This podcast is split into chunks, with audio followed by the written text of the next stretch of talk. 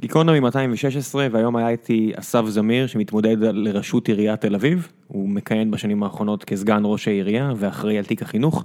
הוא כבר היה אצלנו בעבר והפעם דיברנו בעיקר על הריצה הזו לראשות העירייה מול רון חולדאי שמשמש בתור ראש העירייה כבר המון המון שנים אז יש לאסף אתגר לא קטן בכלל. לפני שנגיע לפרק עם אסף נדבר על כך שזהו, שגיקונומי חלק ממשפחת הפודקאסטים של גיקונומי, שנושאת את אותו השם וכוללת גם את ציון שלוש שבו יוני נמרודי וזיו להבי ואני מדברים על כדורגל ישראלי ובכל יום נתון שבה אה, אוריאל דסקל ועמית לבנטל ושרון דוידוביץ' ושאר, ושאר פרשני הספורט הטובים בארץ מדברים על ספורט עולמי. ועכשיו רק עוד כמה מילים על נותן החסות שלנו לפני שנגיע לפרק עצמו. כשהפעם זו חברת גיזמו הנדסה, שאני קצת לא אובייקטיבי שוב, כי זה חברה של מישהו שאני מאוד מאוד אוהב, נימו רותם. גיזמו הנדסה מאפשרת ליזמי חומרה, הארדוור, להגיע מרעיון לאב טיפוס, ומשם למוצר בייצור סדרתי במהירות. שזה די מגניב, כי אני מכיר את נימו כבר המון המון שנים, וכל מה שאני נתקל בו הוא מביא עוד איזה מכשיר שהוא בנה, או עוד איזה מקדחה שעובדת רק בתנאים מאוד מאוד אה, מסוימים, והאיש אוהב לעבוד עם הידיים והחליט להקים איזה חברה מגניבה. בזכות הניסיון הרב שהוא והצוות שלו צברו במכניקה, אלקטרוניקה ועיצוב פלסטיק, החברה כבר פיתחה עבור לקוחותיה מוצרים רבים, אביזרי בית, צעצועים, מוצרי uh, IoT, Internet of Things, רובוטים, מכשור רפואי ועוד. יש להם אחלה קשרים במזרח, במפעלים, ופה בארץ, בסדנאות ש, שהם מעבירים, והם יושבים עם הסטארט-אפים. בקיצור, אם יש לכם מוצר, בין אם הוא עדיין רעיון בראש שלכם או מסורטט על מפית, אולי אפילו כבר עזבתם את העבודה שלכם והקמתם סטארט-אפ, וזה סטארט-אפ חומרה, שהוא לא רק תוכנה כמו שיותר מדי חברות בארץ מתעסקות, אז גיזמו הנדסה יכולה לחסוך לכם המון זמן והמון כסף, ובעזרת צוות המהנדסים והמעצבים שלה, להזניק אתכם מרעיון לאב טיפוס, כדי שתוכלו לבדוק בעצם אם הרעיון הזה שמציק לכם ושבגינו החלטתם לעזוב את כל מה שעשיתם בחיים וללכת על זה, דברו עם החבר'ה האלה, הם יכולים באמת לחסוך לכם הרבה מאוד אה, זמן וכסף. אה, בימים אלה החברה פתחה את נציגותה בלב קהילת הסטארט-אפים ומציעה ומציע פגישות היכרות ללא עלות או התחייבות גם בתל אביב. כדי לשמוע עוד ולדבר עם מהנדס פיתוח אה, ולהתחיל את התהליך, אני אתן לכם פה לינק לטופס יצירת קשר ולאתר החברה ותמשיכו משם. וזהו, ועכשיו לפרק עם אסף זמיר, גיקונומי 216, תהנו.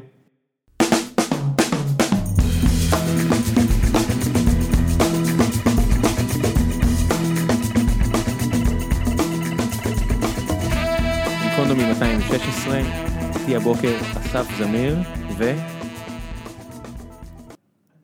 עדה ש... שמנהלת את הקמפיין שלו? את התקשורת. את התקשורת. כמה אנשים יש לך עכשיו בצוות? בצוות התקשורת? שניים. בצוות, כאילו מה, יש... שאתה יש, שאתה רץ אה, עכשיו אה, לראשות עיריית תל אביב, אני בטוח שיש סביבך יש מספר חד ספרתי, מספר חד ספרתי? בינתיים. כן. זה- זה אבל זה די שונה מ... זה מאוד שונה מלרוץ למועצת העיר. זה אתגר אחר, וזה מצריך משאבים אחרים, וזה מצריך אופרציה אחרת, וזה מצריך עבודה ברמה אחרת, ואני לומד את זה עכשיו. זאת חוויה. חוגת השגעת כבר אה, עד הסוף למעלה? אחרי למעלה, אחרי למעלה? אחרי למעלה. באזורים... אה, בסדר. עובר לך בראש למה אני צריך את זה? אני נבחר ציבור, זה עובר לך בראש כל הזמן, לא רק בבחירות. כן, אבל מה זה... הזמן. כל, מה, תראה, כל פעם שאתה הכתובת לצרותיו של אדם, לא בגלל שאתה עשית או לא עשית משהו, לא במשהו שבשליטתך המלאה, כן? אתה עומד ואתה, אתה, גם כשאתה הכי אמפתי בעולם, אתה אומר לעצמך לפעמים, זה לא טבעי לשים את עצמך בסיטואציה הזו. שדברים שהם לא בשליטתך, אנשים באים אליך, צועקים, כועסים, עצובים, אה, מאוכזבים, תיאוריות, תיאוריות אה, זה, זה דבר לא טריוויאלי, הסיפוק, שמנגד, דיברנו עליו פעם קודמת שהייתי פה, הוא מספיק חזק כדי... כן, גם אני לא בטוח שרוב האנשים גם בכלל יודעים מה- על מה ראש העירייה לא, אה, רוב- אחראי. לא, לא יודעים. כי- חלק חושבים שעל כלום, חלק חושבים שעל הכל. על כלום? לא יש כאלה חושבים- שחושבים שעל כלום? כן, יש כאלה שלא, אתה יודע מה, לא, יש כאלה שמטבע הדברים, לא יודע איך לקרוא לזה, לא מתעניינים מלכתחילה באיך המדינה בנויה, איך העירייה בנויה, מה חלוקת הסמכויות, מה הדברים שקורים שמשפיעים לנו לחיים, הם מסתובבים או שמחים או עצובים. ו... אחד החבר'ה פה מסביבנו, לפני שהגעת, אומר לי, אה, שאל אותו על ה... על כל ההפגנות שעושים בכבישים, איך אתם, איך הם מאשרים את הדברים האלה? אמרתי לו, אני די בטוח שזה לא משהו שהם מחליטים עליו, אבל לא, גם, אתה יודע, תחשוב על השאלה מנגד אם לא היו מאשרים. מי שמאשר זה המשטרה, אבל תחשוב על, בכבישים, אבל תחשוב על, הצד של כנגד שלא היו מאשרים. תקשיב, אתה, אתה נכנס. אתה מנסה להיכנס לאחד התפקידים הכי, נכון. אה, בוא נגיד שמושכים הכי הרבה אש במדינה. נכון.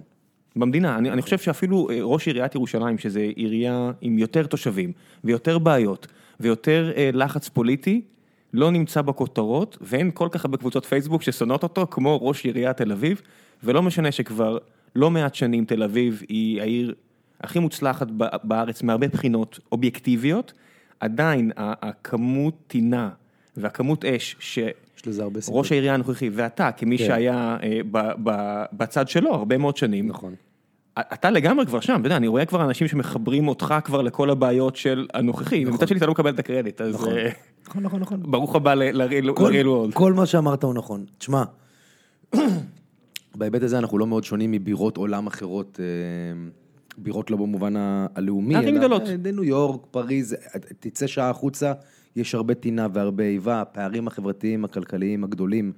הם אה, אחת הסיבות לכך, הריכוזיות שיש במטרופולין דן, במדינה קטנה, אה, היא סיבה נוספת. העובדה שיש תחבורה ציבורית נוראית וקשה להגיע הנה ומשלמים מחירים גבוהים כדי להיות פה והכל נהיה פה יקר, היא סיבה שלישית. וגם, תשמע, בסוף יש פה אה, חילונים, הכי, הכי, הכי, הכי חילונים בסקאלה, ומסורתיים ודתיים, יש פה נוצרים ומוסלמים, יש פה מהגרי עבודה, מבקשי מקלט, קהילה להט"בית ענקית, דרום, צפון, עושר, עוני, שמאל, ימין, בירת ההפגנות, היא, היא מושכת אליה את, את כל מי שהוא אה, כמעט אה, בברנז'ה התקשורתית. אה, כל הלוביסטים, כל היחצנים, כל העיתונאים, כל אני אגיד אנשי אפילו הרוח. שיותר מדי, אתה יודע, זה זה מגיע למצב שיש אה, הפגנה בבימה, אז איזה רחוב סגור, אז זה פותח את ynet, ואני אומר לעצמי, אוקיי, כבאר שבעי, שמי שנולד בבאר שבע עבר לתל נכון, אביב נכון. רק לפני איזה עשר שנים, או לא יודע כמה, או חמש עשרה שנים, זה קצת חורה לי עדיין, אני עדיין נזכר כמה שנאתי את תל אביב בתור מישהו שהוא מגיע מחוץ לזה, אני אומר, מה אכפת לי אם חוסמים עכשיו כביש בבימה? אתה יודע שבעיתון הארץ היה לפחות, לפחות ארבע פעמים כתבה בעמודי החדשות על השיפוץ של היכל התרבות. בוויכוח בין אנשי השימור לבין אנשי האקוסטיקה. מה יותר חשוב, מה הערך שצריך לגבור. וזה, זה לא היה בגלריה, בכתבה חד פעמית של... זה היה... זה סוכר. כי הארץ מת, יש העיר. אתה יודע, העיר, פעם היה הארץ והיה העיר, העיר הרי כבר לא קיים, הארץ הפך להיות העיר, בצורה מאוד מאוד מודעת. אני לא חושב שהם מתביישים כשהם ממנים את מורן שריר להיות uh, המוסף, ראש המוסף, למרות שהוא כבר נראה לי עכשיו עומד לעזוב, נכון. אבל, וכל החבר'ה האלה, הם ממצבים, אתה יודע, אני, אני מדבר עם עיתונאים, שלא, לא, לא, לא שהם באר שבעים או חיפאים, אני אומר לך אנשים מבקעת אונו ומרמת גן ומגבעתיים, והם מפחדים מהגוורדיה של תל אביב ומהארץ. אז זה גם מייצר איזשהו ניכור. והדבר האחרון הוא, והוא באופן כללי, כולנו חווים אותו, זה שבעיניי אוכלוסיית העולם עוברת לגור בערים. זאת אומרת, שינינו את ה-description של מה זה איכות חיים. ואם כשגדלנו איכות חיים היה השאיפה שיהיה לך גינה וארסל וכלב וכל זה, אז היום איכות חיים נמדדת לפי, ככה אני רואה אותה, כמה שיותר אנשים שגרים בתא שטח אחד, ובלבד שתא השטח הזה מנוהל בצורה איכותית. זה מה שאנשים בעולם רוצים. המעבר לערים הוא דרמטי, אנשים רוצים להחליף את הארסל במגוון, בגיוון אנושי, בעושר תרבותי, בעושר קולינרי, ב- שזה יעבוד טוב. בהמון דברים. שבסופו של דבר, בהמון דברים. שזה יעבוד טוב. והבעיה היא, תראה, אנשים רוצים לגור במרחב אורבני, הם רוצים ללכת ברגל, ברחוב שיש לו עירוב שימושים שכיף ללכת בו ברגל, שיש למטה מסחר ולמעלה מגורים ומרחבים ציבוריים מתוכננים נכון, ובמדינת ישראל יש עיר אחת, לא במובן השלילי, יש עיר אחת מכל ערי ישראל, יש בה מרחב, כפי שתיארתי, גדול מאוד. אני הולך לתקן אותך. אין. אפ- אין אפילו עיר אחת. יש מרכז, אזור, לא, לא, מרכז, ברור, רגע, מרכז אחד רגע. בעיר אחת. אני רק אומר שהשטח שבין הים, נחל הירקון, דרך נמיר ופאתי דרום העיר ויפו, וצפון יפו, זה התא, שטח האורבני הגדול ביותר בישראל, שמנוהל כמו שצריך, שמתוכנן סך הכל כמו שצריך, ובגלל זה אנשים רוצים לגור בו, וזה מייצר ביקוש גדול מאוד, וזה מייצר למי שלא יכול, למי שלא יכול להיות בפנים, אה, כעס, ומי שכן בפנים, ומשלם מחיר מאוד גבוה, ומקריב אה, הרבה, יש לו אה, דרישות. אז אה, הרבה דברים מפריעים לו.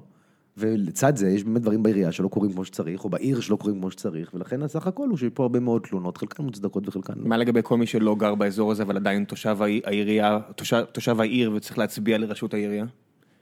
מה, מה, מה? אני אומר, מחוץ לאזור הזה שתחמת, ש- תראה, יש, יש הרבה מאוד יש- אנשים שהם תל אביבים. יש, רוב האנשים התל אביבים לא גרים באזור שתחמתי.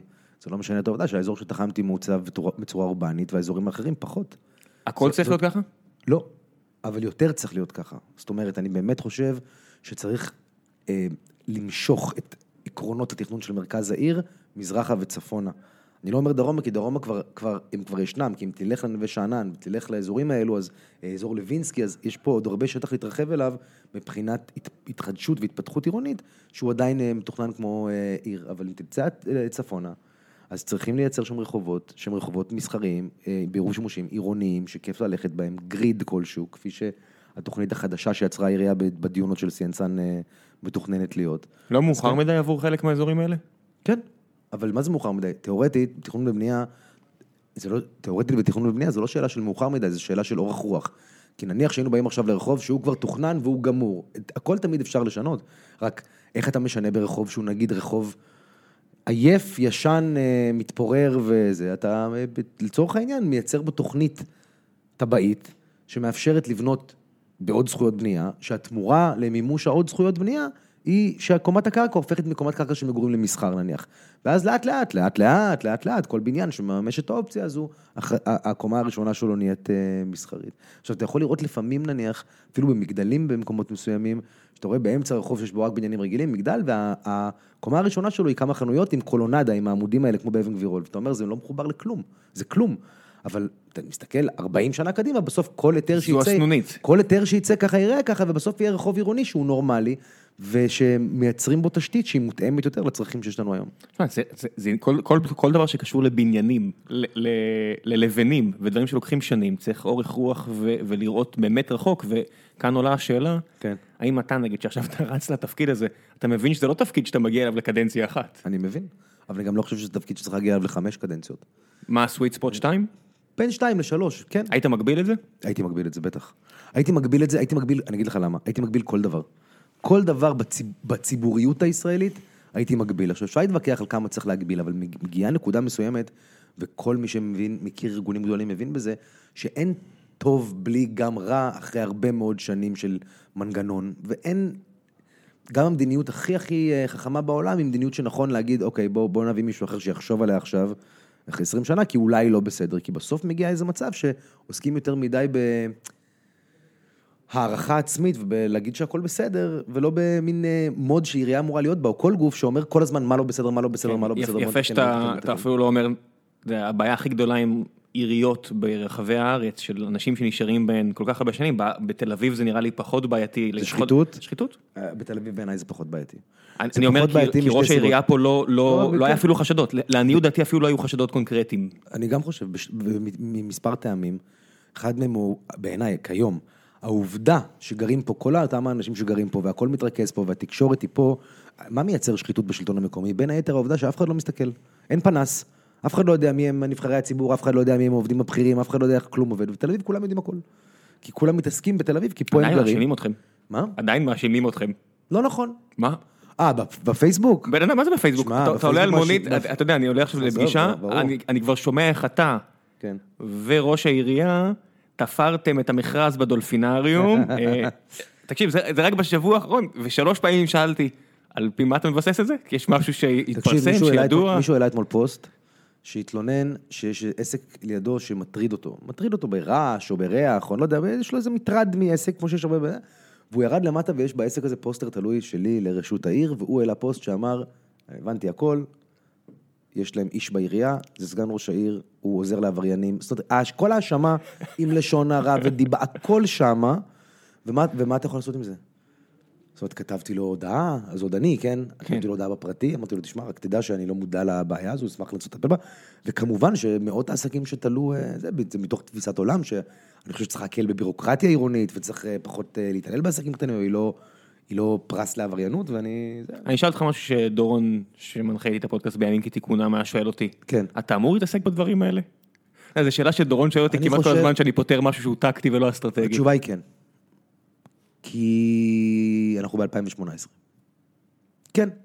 זאת אומרת, אם אתה מסתכל על עיריות ועל רשויות ממשלתיות ועל גופים, כי, כי כל מה שהתחנכנו לחשוב שהם, וזה תפקידם המסורתי וכדומה, וצריך למצוא אנשים שיעשו את זה ככה forever, אז אולי לא. אבל אם אתה מסתכל על העובדה שבסוף הוא צריך להיות, הוא גוף אה, מתכלל, הוא גוף מתווך, הוא גוף של כולנו. ויש בו הרבה דברים, תראה, אני צריך לבנות מערכת שתגרום לכך שבעיות כאלה ייפתרו בלי לפנות אליי. אבל לנצח, המגוון האנושי שיש בעיר הזו ייצר מציאות שבה אנשים יתייגו אותי, ואנשים יפנו אליי, ואנשים יתקשרו אליי, ואנשים יעצרו אותי ברחוב, ויעירו את תשומת אה, ליבי. זה לא. יותר מדי רעש? זה המון רעש, אבל זה חלק מקשר בלתי אמצעי, זה דמוקרטיה, זה לא אה, עסק פרטי, זה...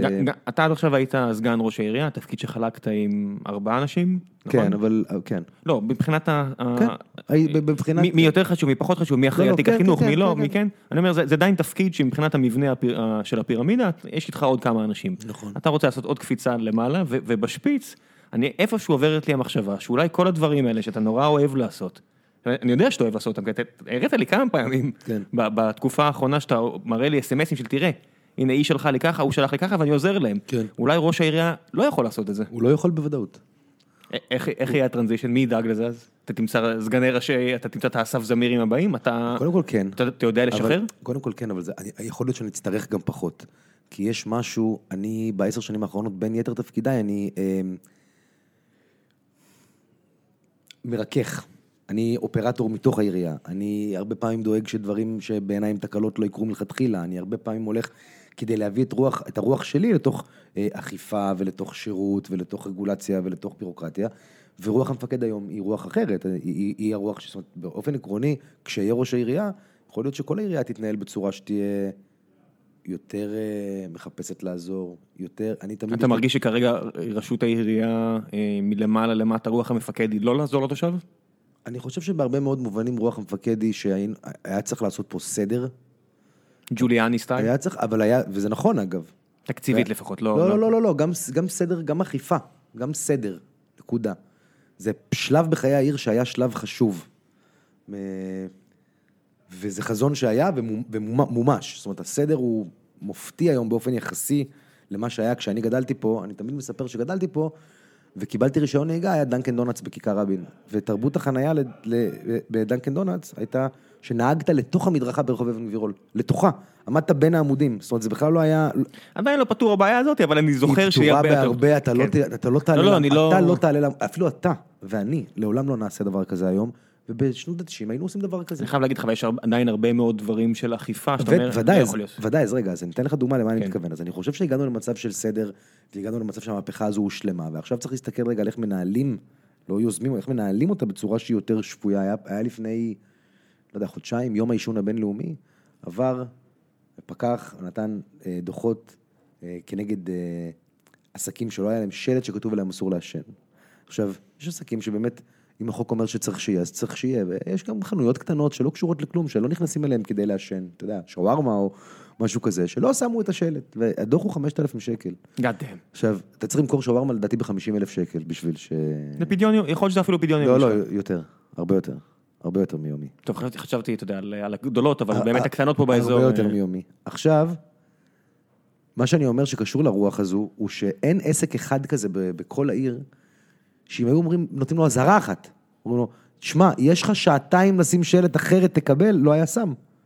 אז השאלה, איפה המטוטלת יושבת בדברים האלה, היא בעיניי כללית יותר. אז הרבה מהדברים הקטנים שפונים אליי והתסכול שמתפרץ כלפיי, קשור למערכת שלא תמיד יודעת איפה היא צריכה להיות מרוככת. אבל- לפעמים, אבל- אגב, לפעמים היא רוצה ולא יודעת.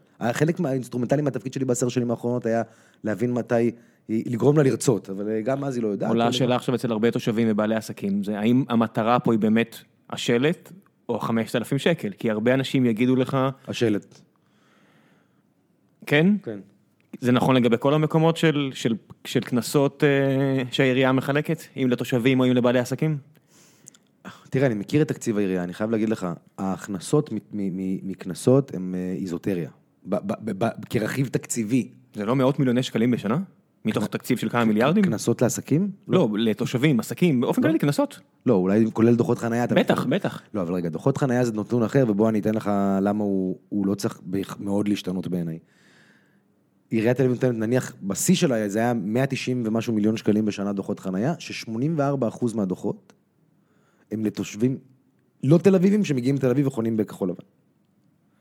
זאת אומרת שאין תל אביבי אחד שלא בעד שיקנסו רכבים שנכנסים מבחוץ וחונים לך ואתה מייצג את האינטרס של התל אביבים. לא צריך להגיד את זה. ודאי שאני אני מייצג את האינטרס של התל אביבים, אני רואה אותו כאינטרס רחב, אני חושב שגם האינטרס התל אביבי הוא שהעיר הזו תפרח ותצמח, וייכנסו אליה אנשים, ויהיו בה מקומות מסחר, ויהיו בה תיירים. אני רק עוד פעם, זו שאלה של איזונים. ואם אז- מדברים על, על איזונים, אתה יודע, אני מסתכל על, על רוב הדברים בעיר הזו, כן. ואני אומר, איפה מגיע השלב שאתה אומר, אני בעד ככה ולא ככה? כי אני רואה עכשיו את, אה, את המועמדים האחרים, כן. ויותר ויותר הם מדברים אה, פחות אה, טקטי, כל הדברים שאתה אמרת עכשיו זה לפתור בעיות, כן. דברים יותר טקטיים, והם- vision. אפילו לא vision, אתה יודע, הם עוברים נטו לפוליטיקה, אז אם זה אה, רון חולדאי שמדבר עכשיו על העניין הזה עם הגשר, אז הוא כן. החליט להיכנס למשהו מאוד פוליטי. כן. אה, אני מניח שזה קשור לבחירות, ככה ההרגשה האישית שלי, אבל אה, יכול מאוד להיות שלא, אחרת אולי הוא לא היה משמיע את קולו. אה, ואסף הראל, שהיא מונולוגים, הוא יגיע לפה נראה לי בהמשך החודש, מונולוגים לגבי מונולוגים שהם מאוד פוליטיים. ואתה נגיד מגיע ממקום יותר טקטי. אני מגיע, תראה, אני, כי אני רק רוצה להגיד שבשלב בשלב מסוים, האיזונים האלה שאתה מדבר עליהם, כן. הם בסופו של דבר מגיעים לאיזושהי החלטה פוליטית. ודאי, אבל אני יודע להגיד מהי. אני יודע להגיד איפה אני רוצה שהיא תהיה. זה נכון שאני עושה בעיניי אה, פחות פוליטיקה. וזה נכון שאני לא, אתה יודע, אני... אם המקום הזה היה מסלול לפוליטיקה, אז כבר הייתי בכנסת בכל אחת מהמפלגות שהציעה לי בשנים האחרונות. ברוב העיר, שהתנועה שאני עומד בראשה הוקמה נטו כמיזם חברתי פוליטי כדי להיכנס לתוך העירייה ולנסות לעשות אותה טובה יותר, ואנחנו עשר שנים שמה, נבחרנו פעמיים, וזה המשימה של החיים שלי, ובזה אני מתעסק, אז אני יורד לרמת רזולוציה של הדברים שבאמת יגרמו לראם לקום בבוקר ולהגיד, בואנה, העירייה יותר טובה. היא יותר טובה. היא רואה אותי יותר, היא חושבת עליי יותר, היא פתוחה יותר, היא מקשיבים בה יותר, היא מנהלת תהליכים באומץ יותר, מה שהיא אומרת היא עושה יותר, הכל יותר. זאת אומרת, זה לא, אתה יודע, אני שותף, אני מנהל כמעט מיליארד ורבע שקל מתוך תקציב העירייה. החינוך? בחמש שנים האחרונות, כן. אני לא בא עכשיו ואומר לך, אני לא בא עכשיו להגיד לך הכל הפוך והכל גרוע, ולספר לך דברים ש... ש- שאולי הם לא ישימים, אני יודע מה הבעיות של העיר הזו, ואני תוקף אותם במקום שחלק מהם, מהדברים הם מאוד מאוד מושכים, ואפשר לדבר עליהם שעות. וחלק מהדברים, גם בחוגי בית, אנשים אומרים לי, טוב, אכלת את הראש, תתקדם, כי מה? בסדר. תן לי דוגמה. מה לא סקסי אבל צריך לטפל בו בעירייה. ואל תגיד לי ביוב, כי ביוב זה... אה, אני אגיד לך, זה נורא תלוי איפה אני יושב, אבל אני מדבר המון על תחבורה ציבורית, ועל היכולת להתנייד בתל אביב בלי רכב, ואני מדבר על זה כמגרעה הכי גדולה של תל אביב. כשאני מסתכל על ערים אחרות בעולם, שאני אה, שואף להיות כמותן בנושאים מסוימים, אז ברוב הנושאים האלו תל אביב עוקפת הרבה מהערים שאנחנו רואים, ובתחבורה ציבורית אנחנו במקום עולם שלישי. לא, אני חושב שסיפרתי לך שנפגשנו לפני כמה שבועות או חודשים, יש לנו כמה עובדים אירופאים, אה, דנמרק, גרמניה, מקדוניה, כל מיני כאלה שמגיעים לפה פעם ברבעון, לתת עבודה וכדי שנעבוד ביחד, להכיר יותר טוב את החבר'ה וחשוב. ואנחנו בדרך כלל שמים אותם באיזה דירה באזור הירקון, שיהיה להם נחמד, אתה יודע, וכו' וכו', והם מגיעים ברגל. והם אומרים לי שהם בחיים לא היו בעיר, שלוקח להם ברגל להגיע כל כך הרבה, בגלל המכוניות. המכוניות. ברור. בגלל המכוניות, הם אומרים, אנחנו רוצים, אתה יודע, להרגיש את העיר, ולוקח לנו חצי שעה להגיע בגלל המכוניות. הכל מוטה פה רכב. הכל מוטה פה רכב. הכל מתוכנן מלכתחילה לרכב, שליש מימות השנה אין אלטרנטיבה, גם את האלטרנטיבה הגרועה אין, וכולנו מחזיקים רכב ואפשר, ו- ועדיין בתל אביב-יפו, אה, אנחנו יושבים פה ברחוב הארבעה, ואם אתה רוצה להגיע לים, הכי מהר מהכל זה אם יש לך אוטו. זה הכי מהר מהכל. זה קיצוני בטירוף, אז אני מדבר על זה המון. ואני מדבר על העובדה שעירייה שהיא יותר אה, אקטיבית יכולה לייצר פתרונות בצורה שהיא לוקחת אחריות. כי חלק מהסיבה שאני רץ לרשות העירייה היא העובדה שיש יותר מדי דברים שאני רוצה שהעירייה תתמודד איתם, והתשובה העירונית הקבועה היא, זה לא באחריותנו, זה באחריות המדינה, אל- עזוב אותנו. כן, אני- אני אני הייתי לפחות פעם אחת בשיחה עם אה, הבוס לשעבר, או הבוס הנוכחי כן. שלך, שהוא אמר לי, אה, לכמה אנשים, אמר, אה, לא רצו לתת לנו לבנות רכבת תחתית, אז אנחנו נוכיח להם, יש- אנחנו כבר בנינו רכבת תחתית, פשוט לעכברושים, עם הביוב, נכון. ואנחנו נעשה, אנחנו נפעל ואנחנו נעשה ואנחנו זה, ואני אומר, אוקיי, למה הגישה הזאת היא לא ב... בהכל. בהכל. בהכל היא צריכה להיות. אני הבאתי את העירייה, לקח לי חמש שנים יותר מדי, לאמץ את הגישה הזו, להתחיל לאמץ את הגישה הזו בפיקוח אה, על גני ילדים פרטיים וביצירת מעונות יום אה, יותר. זאת אומרת, כל הדבר הזה שנקרא לידה עד שלוש, גילאי לידה עד שלוש, שמדינת ישראל אומרת your own your own, וזה השלב שאתה הכי לחוץ, הכי מפוחד, הכי חסר אונים, הכי לבד, הכי הכל. ו... מחיר בין נטל כלכלי. הכי הכל, ויש 7,000 לידות כאלה בשנה בתל אביב, זה 20 אלף ילדים. וכבר חמש, לפני חמש שנים אמרתי, בוא, בוא, בואו נייצר איזה שירות עירוני חדשני פורץ דרך, שיאפשר אה, איכות חיים גבוהה יותר להורים, ומסגרות והכל, ולקח לי יותר מדי שנים, ומאבק אה, אימהות גדול מאוד שהיה, ותינוקת שמתה ברמת גן, וה- והתעוררות ציבורית כדי שייתנו לי להעביר את הדבר הזה, ולהגיע למצב שלפני שבועיים, פעם ראשונה בהיסטוריה של תל אביב-יפו, העירייה ערכה סדנת החייאה חינמית לגננות פרטיות, שיכולות לבוא, ואנחנו מעבירים להם סדנת החייאה, שקודם כל ידעו. זה צעד ראשון מבין מיליון דברים שהעירייה אמורה לעשות בעיניי, כשיש לה גישה פרואקטיבית, אבל או שהעירייה ממשיכה ואומרת, זה לא באחריותי, אז אני לא עושה, זה לא באחריותי, או שהיא מתחילה ואומרת, אתם יודעים מה, כל הדברים שאמרתי כל החיים שהם לא באחריותי, אני מוכנה להיות אקטיבית ולנסות כעירייה לקדם חלק מהם. אני מוכנה לשנות גישה מול הממשלה בנושאים מסוימים, אני מוכנה לקחת על עצמי אחריות בנושאים מסוימים, ותחבורה ציבורית היא הדוגמה הכי דרמטית, כי המעכב התפתחות מספר אחד, היא גם פוגעת במוביליות החברתית, היא גם... אז בוא בוא נסלול לפתרונות, אז רגע, זה רק אומר- פתרונות ספציפיים. שנייה. נגיד תחבורה ציבורית, אני אומר תחבורה. ציבורית, מה זה אומר כן. בפועל, מה אתה הולך לעשות? תראה, בתחבורה ציבורית, האנד גיים חייב להיות אה, אה, לקבל אה, את הסמכות להקים רשות מטרופולינית לתחבורה, שכל ערי גוש דן חוברות יחד, ברשות עיריית תל אביב-יפו, אבל יחד, ומקבלות סמכויות ותקציבים כדי לנהל את התחבורה בעצמם, בדומה נגיד למי שהיה בניו יורק, למודל ה-MTA, כי צריך להסתכל על גוש דן, צריך להסתכל על הרכבת הקלה בו, צריך להסתכל על הרכבת, על רכבת ישראל שחותכת אותו, צריך להסתכל על אוטובוסים, קווי שירות, אה, מוניות מצידי, טלופן, אוטוטל, כל המוצרים הקיימים בעולם שאינם רכב פרטי, וגם לרכב הפרטי אגב, ולייצר מדיניות אחת, מבוססת על הצרכים, ועם יכולות ביצוע שאין למדינה. אה, והן צריכות להיות אחרת לגמרי, ובשביל זה צריך לעשות עוד דבר, לא רק בשבילו, גם בשביל האופניים. צריך להבין שכדי לעשות את כל הדברים האלה, נהיה חייבים לפגוע פגיעה אמיתית באיכות חייו של הנוהג ברכב. אתה אמרת לי, אתה הבאת לי דוגמה, לא יודע אם אתה יכול לחזור עליה. בדיזינגוף? כן. אני יכול לחזור. עליה? בטח, ברור. יאללה, כי הדוגמה שאתה אמרת, לפי דעתי תכף הופכת עליך את האנשים. אני יודע, כי אתה ציינת, כל השיחה הזו התחילה מזה שאמרת, איפה המקומות שבהם אתה מדבר ואומרים לך, אתה יודע, ואני אומר שאני מספר את הדבר הזה, אז אין הרבה יכולת, אבל אתה צריך איזשהו vision להבין שזאת האופציה היחידה, בסדר? אז אם אנחנו, לפני כמה שנים, העירייה פתחה חדר אופניים לעובדים, ויש בו מקום ל-20 זוגות אופניים, ותוך שבוע הוא התמלא. באו עובדים למנכ"ל העירייה ואמרו, תן לו חדר גדול יותר, והוא ממש פינה אולם, ותוך שבוע הוא השתנה. כי המציאות היא שתל אביב יכולה להיות בירת האופניים של היקום בערך, בהיבט הזה שהיא לא גדולה, אין בה, אין בה גשם, חוץ משדרות בן ציון, אין ציר Z, היא שטוחה. היא שטוחה, חוץ משדרות בן ציון, אפשר, אני מכיר את איך לנסוע סביבו, ו- והאלטרנטיבות הן נוראיות, אז מכל הבחינות האלה, חוץ מזה שחם, זה באמת הפוטנציאל הכי גדול, ואנשים איכשהו נולד, אה, לקחו אותו בשני ידיים, ומה שקרה הוא שהתשתיות לא תואמות יותר את, ה- את כמות האנשים שרוצים לרכוב, ולכן, ואופניים החשמליים, שזה גם נושא לשיחה, הגיעו לעולמנו והקורקינטים והכל, ונוצר, נותרו שני דברים, אחד, בסוף כל, כל האנשים האלה צריכים להתחלק עם הולכי הרגל על המדרכה, והתשתית הזו קטנה מדי, לא מתאימה, ויצרה גיהנום. והדבר השני הוא, שזה גם מייצר תקרת זכוכית להרבה אנשים שאם הייתה, הייתה להם תשתית מדהימה, היו עוברים, אבל בתוך הגיהנום הזה לא מוכנים להתנייד ככה. זה מפחיד, אני יכול להגיד לך.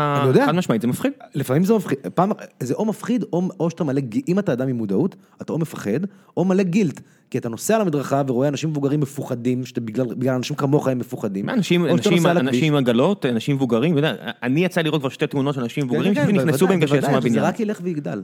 אה, ולכן, צריך להסתכל על המציאות בעיניים ולהגיד, העיר בנויה כבר, היא בנויה כבר, עכשיו צריך לתעדף. אז אם הולכים לרחוב כמו דיזנגוף, נניח, כן, ויש בו מדרכה רחבה, והמדרכה הרחובה בדיזנגוף היא חשובה, היא חשובה כי יש בה הולכי רגל, וזה רחוב מסחרי מרכזי, ויש שם בתי קפה וברים, היא חשובה.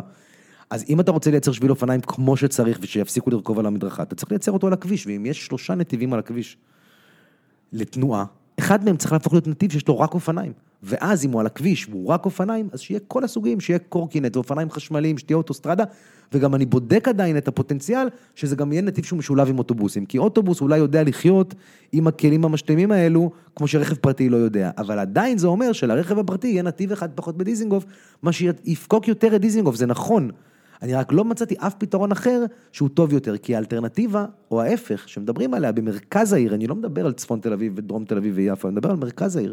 האלטרנטיבה היא שכל מיני אנשים שאומרים לי, עזוב, פה אפשר לייצר עוד ארבע מקומות חנייה, עוד ארבעה מקומות חנייה. פה אם, אם, אם יחנו במאונח ולא במאוזן, יהיו שמונה. זאת אומרת, אנשים חושבים שהפתרון הוא למצוא עוד איזה 800 מקומות חנייה, ואז לא תהיה בעיה, מבלי להבין שהמציאות היא שכל מקום חנייה שאתה מוסיף במרכז עיר ככל שהוא מבוקש, מגיע יותר מרכב אחד. זה לא פותר את מצוקת החנייה, להפך. זה מחריף אותה. אז האם אני בעד, לדוגמה, אה, חפירת אה, חנייה תת-קרקעית? אני בעד. למה אני בעד? רק אם התכלית היא הורדת חניות מגובה הרחוב למתחת לקרקע. כדי לפנות את השטח. כדי לפנות את השטח לשביל אופניים, לדברים כאלה, אבל אם אני חושב שנכון להגדיל את המלאי, א', אני חושב שזה לא אפשרי. יכול להיות במקומות נקודתיים, כן, יש מקומות נקודתיים שבהם אתה חייב, בכל מקום שבו יש לתל אביב-יפו, במרכז העיר, את היכולת לפנות מרחב ציבורי אה, אה, ולייצר תחתיו אה, חניון, כמו שקורה פה מאחורינו ברחוב הארבעה. אני חושב שזה פוטנציאל מוגבל, וצריך לממש אותו בגלל הערך שאמרתי קודם, כי זה יאפשר יותר בקלות להוריד מכוניות מהכביש, ולכן בכיכר רבין הולך להיות חניון כזה, לדוגמה. אבל הפתרון האמיתי, העתידי, הוא להגיד, חברים, במרכז תל אביב אין מה לעשות, אנחנו עוברים לאלטרנטיבות. אוטובוס, עם, עם, עם משרד התחבורה, אחרי עשר שנים של נתק עם עיריית תל אביב-יפו, יהפוך להיות משרד שהעירייה בראשותי משתפת איתו פעולה, ותהיה פה רשות מטרופולינית, זאת תהיה בשורה מדהימה. חיפה כבר לא, זה לא איזה המצאה שהזיתי בלילה, חיפה כבר קיבלה אישור כזה להקים את הרשות, מתוך הבנה שפרויקטים כמו השפד"ן מייצרים אה, יכולות ביצוע גבוהות. השאלה אם אתה תהיה מוכן להתמודד עם זה, שאתה עד עכשיו היית די אה, המאמי של העירייה, אתה יודע, היית דמות מאוד אהובה, גם בציבור, גם ב... אני לא יודע, בתוך העירייה, במסדרונות, אבל מבחוץ זה נראה ככה. כן. וברגע שאתה מתחיל להציע רעיונות כאלה, אני יודע, אתה תפסיק להיות אהוב. אבל תראה, זה, אתה, אתה, אתה, אתה, אתה מוכן לזה? אתה, אתה באמת... אה, אתה יודע, כי כל מה שאני מכיר עליך, יוצא לדבר איתך, זה כיף להיות אהוב. הרבה פחות כיף, אתה יודע, אני, אני אספר לך סיפור על, על אה, רון חולדאי, שאני לא בטוח אם מי- אני, אני יכול לציין יותר בשמות. יש איזה מישהו שאני קשור אליו, שהוא נורא נורא בולט בתעשיית היזמות בארץ, ואני רואה אותו מדבר עם, אה, עם חולדאי, וחולדאי הולך, ואז אני שואל אותו, וואי, אתה- ממש אוהב אותו, אה? הוא אומר לי, לא, אבל הוא בן זונה שיודע לעשות דברים, ו... ואז אני צריך לקיים איתו את הקשר הזה. ואז אני לא, אתה יודע, הוא אומר את זה ב... כי ככה הוא מדבר, הוא מדבר בשפת אה, מלאכים צרפתים שירדו כרגע מהאונייה במאה ה-19, אבל הוא לא אדם אהוב בעיני, בעיני מי שאמר את זה. ואתה, התוכניות האלה שאתה מדבר עליהן, והשינויים הגדולים שאתה תצטרך לעשות, ישימו אותך במשבצת הזו. תגיד, יש ראשי עיר בארץ שהם טובים ואהובים? בטוח. רוביק. אוקיי, בטוח, לא משנה, בטוח, יש. אה, אה, אתה יודע, זה לא על ידי חייב- כולם, אבל זה לא חייב זה לבוא אחד. על חשבון השני. אם כדי להיות אהוב אתה לא עושה את מה שצריך לקרות בעיר, אז זה אסון, אוקיי? אבל אם אתה יודע לעשות את מה שצריך לקרות בעיר, אבל גם יודע להסביר אותו, וגם יודע להכיל את הביקורת עליו, וגם יודע לדבר עליו ולייצר תהליכים שהם נראים יותר אה, נבונים בדרך שבה הם מתנהלים, אז אתה תהיה... אני גם היום לא אהוב על כולם, גם היום יש כלפיי הרבה מאוד ביקורת. קיבלתי הרבה מאוד החלטות בעשר שנים האחרונות שיש זעם כלפיי לגבי, אני תמכתי בעמדת משרד החינוך להפוך את הקבלה לבית ספר לטבע, מבית ספר ממיונים להגרלה. אני יודע להסביר למה אני חושב שזה נכון בתלכיד החברתי העירוני של תל אביב-יפו, אבל אה, מי שלא מסכים איתי חושב שזה אסון. אני מתנגד להקמה של בתי ספר פרטיים בתל אביב.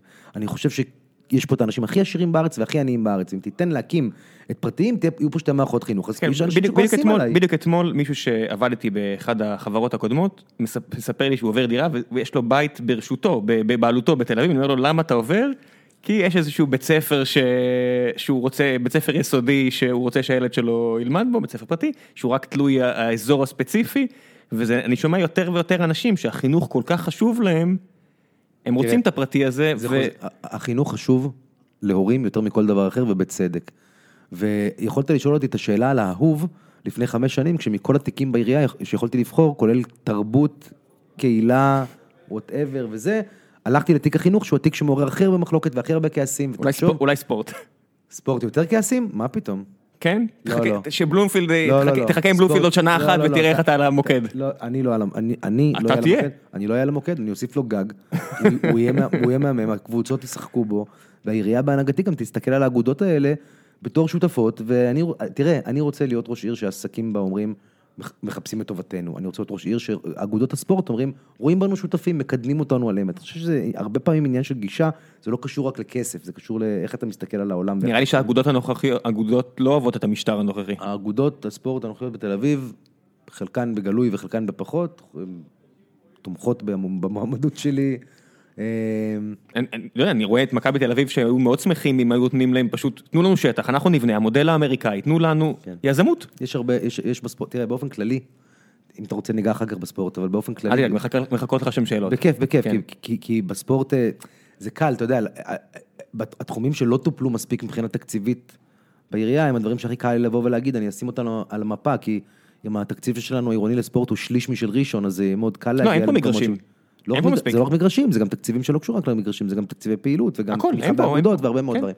אבל, היינו בחינוך. כן. אז אני מסתכל על העולם בצורה מאוד פרקטית. יש 100% תושבים בעיר שהם חלק ממערכת החינוך, שרוצים שמערכת החינוך תהיה יותר טובה. אין אחד, ככה זה, ככה זה בחינוך. אין אחד שמתהלך ואומר, תשמע, בזה לא הייתי משפר כלום. זה המוצר מושלם. יש את זה בכל תחום אחר, נכון? אתה מוריד אפליקציות שהן מושלמות, אתה יושב במסעדה ואוכל מנה שאתה אומר, מנה כזו לא אכלתי, ופתאום, בז- ו- ו- ופה, it will never be good enough, וזה בצדק. עכשיו, יש לזה שתי אלטרנטיבות. אלטרנטיבה אחת היא בגלל שזה לא אה, טוב מספיק, לתת לכל אחד לעשות מה שהוא רוצה. הנה פה קבוצת הורים תקים בית ספר, הנה פה נפתח בית ספר לתשלומים אה, גבוהים יותר, הנה פה נעשה פרטי, פה נעשה... על- הפרטה מוחלטת. מיני- אה, חירות מוחלטת, בסדר? זה אפילו לא תמיד הפרטה. נכון. חירות מוחלטת. והבעיה עם חירות מוחלטת בכל מערכת היא אה, לא הצד שקיבל את החירות. הרבה פעמים הצד שקיבל את החירות יודע להסתיר את עצמו, אבל מה שנשאר הוא פגיעה אנושה בכל אלו שלא לוקחים חלק בחגיגת, בחגיגה המגוונת הזאת. שלא מודעים, אולי אפילו לא מודעים. הרבה פעמים זה לא עניין של לא מודעים, כי אתה מקים בית ספר פרטי והוא עולה יותר. יש שתי אופציות. או שאתה מקים בית ספר פרטי והוא באמת פרטי והוא עולה יותר, ואז מי שלא יכול, לא יכול ללכת אליו. הם מקבלים תמיד 15 אחוז, 20 אחוז, כדי להגיד, יש פה גם כאלו שלא יכולים, אבל המודל חייב להיות 50-50, נכון? כי יש את שני סוגי האנשים. אז פעם אחת, זה האופציה. האופציה היותר גרועה בעיניי בהרבה, היא שמקימים מוסד פרטי, והוא יקר מדי באמת, אז באים לציבור ואומרים, תממנו לנו את זה. תנו לנו מבנה, תנו לנו הסעות, הציבור. ואז עירייה שרוצה למצוא חן ו- ו- ולתת את החירות המוחלטת, או שזו האידיאולוגיה שלה, מת- מתפרקת מנכסיה, ואז מה שנשאר לחינוך הציבורי, הממלכתי, שאין מה לעשות, רוב האנשים יצטרכו ללכת אליו, ואין מה לעשות, אה, אה, רוב, מי שגם חלש יותר יצטרך ללכת אליו, אה, נשאר בצורה שאי אפשר לפתח אותה, וזו הייתה הבעיה בתפיסה החינוכית של שנות ה-80 בתל אביב, כי א', הקימו בתי ספר חצי פרטיים כאלו, ואמרו, הנה, מי שחזק יש לו אופציה למיין ולשלם אלף שקל בחודש, וב', עשו אינטגרציה שכשלה, שאמרה, יש בדרום תל אביב חבר'ה חזקים, לא כולם, אבל אלה חזקים, איך נפתור להם את נסיע הבעיה? אותם ל- נסיע אותם לתיכון שאני למדתי בו, הם יצטרכו לקום שעה וחצי לפניי, לחזור הביתה שעה וחצי אחריי, לסבול מחוויית אה, אה, תיכון של שונות אה, ושל נחיתות ושל גזענות הרבה פעמים, וכל מי שלא היה מספיק חזק כדי לעבור את התהליך הזה, נשאר ב- באזורים החלשים, ושם לא נשקיע, כי נשאר שם רק מי שלא צועק. הפוך, התפיסה צריכה להיות הפוכה, ואנחנו ביטלנו אותה. היום, התפיסה העירונית בהובלתי, אם תרצה, היא שבן אדם צריך ללמוד ליד, ילד צריך ללמוד ליד הבית שלו, והתפקיד של העירייה זה לדאוג שהבית ספר ליד הבית שלו, גם אם הוא בדרום תל אביב, יהיה מצוין, מצטיין, פלוס, פלוס, פלוס, ואנחנו מגיעים להישגים מאוד גבוהים של צמצום פערים ויצירת שוויון הזדמנויות בחינוך, דרך הדבר הזה. אבל האופציה השנייה הייתה מאוד נוחה, אז אותו דבר, זה כמו עם, עם הפרטיים.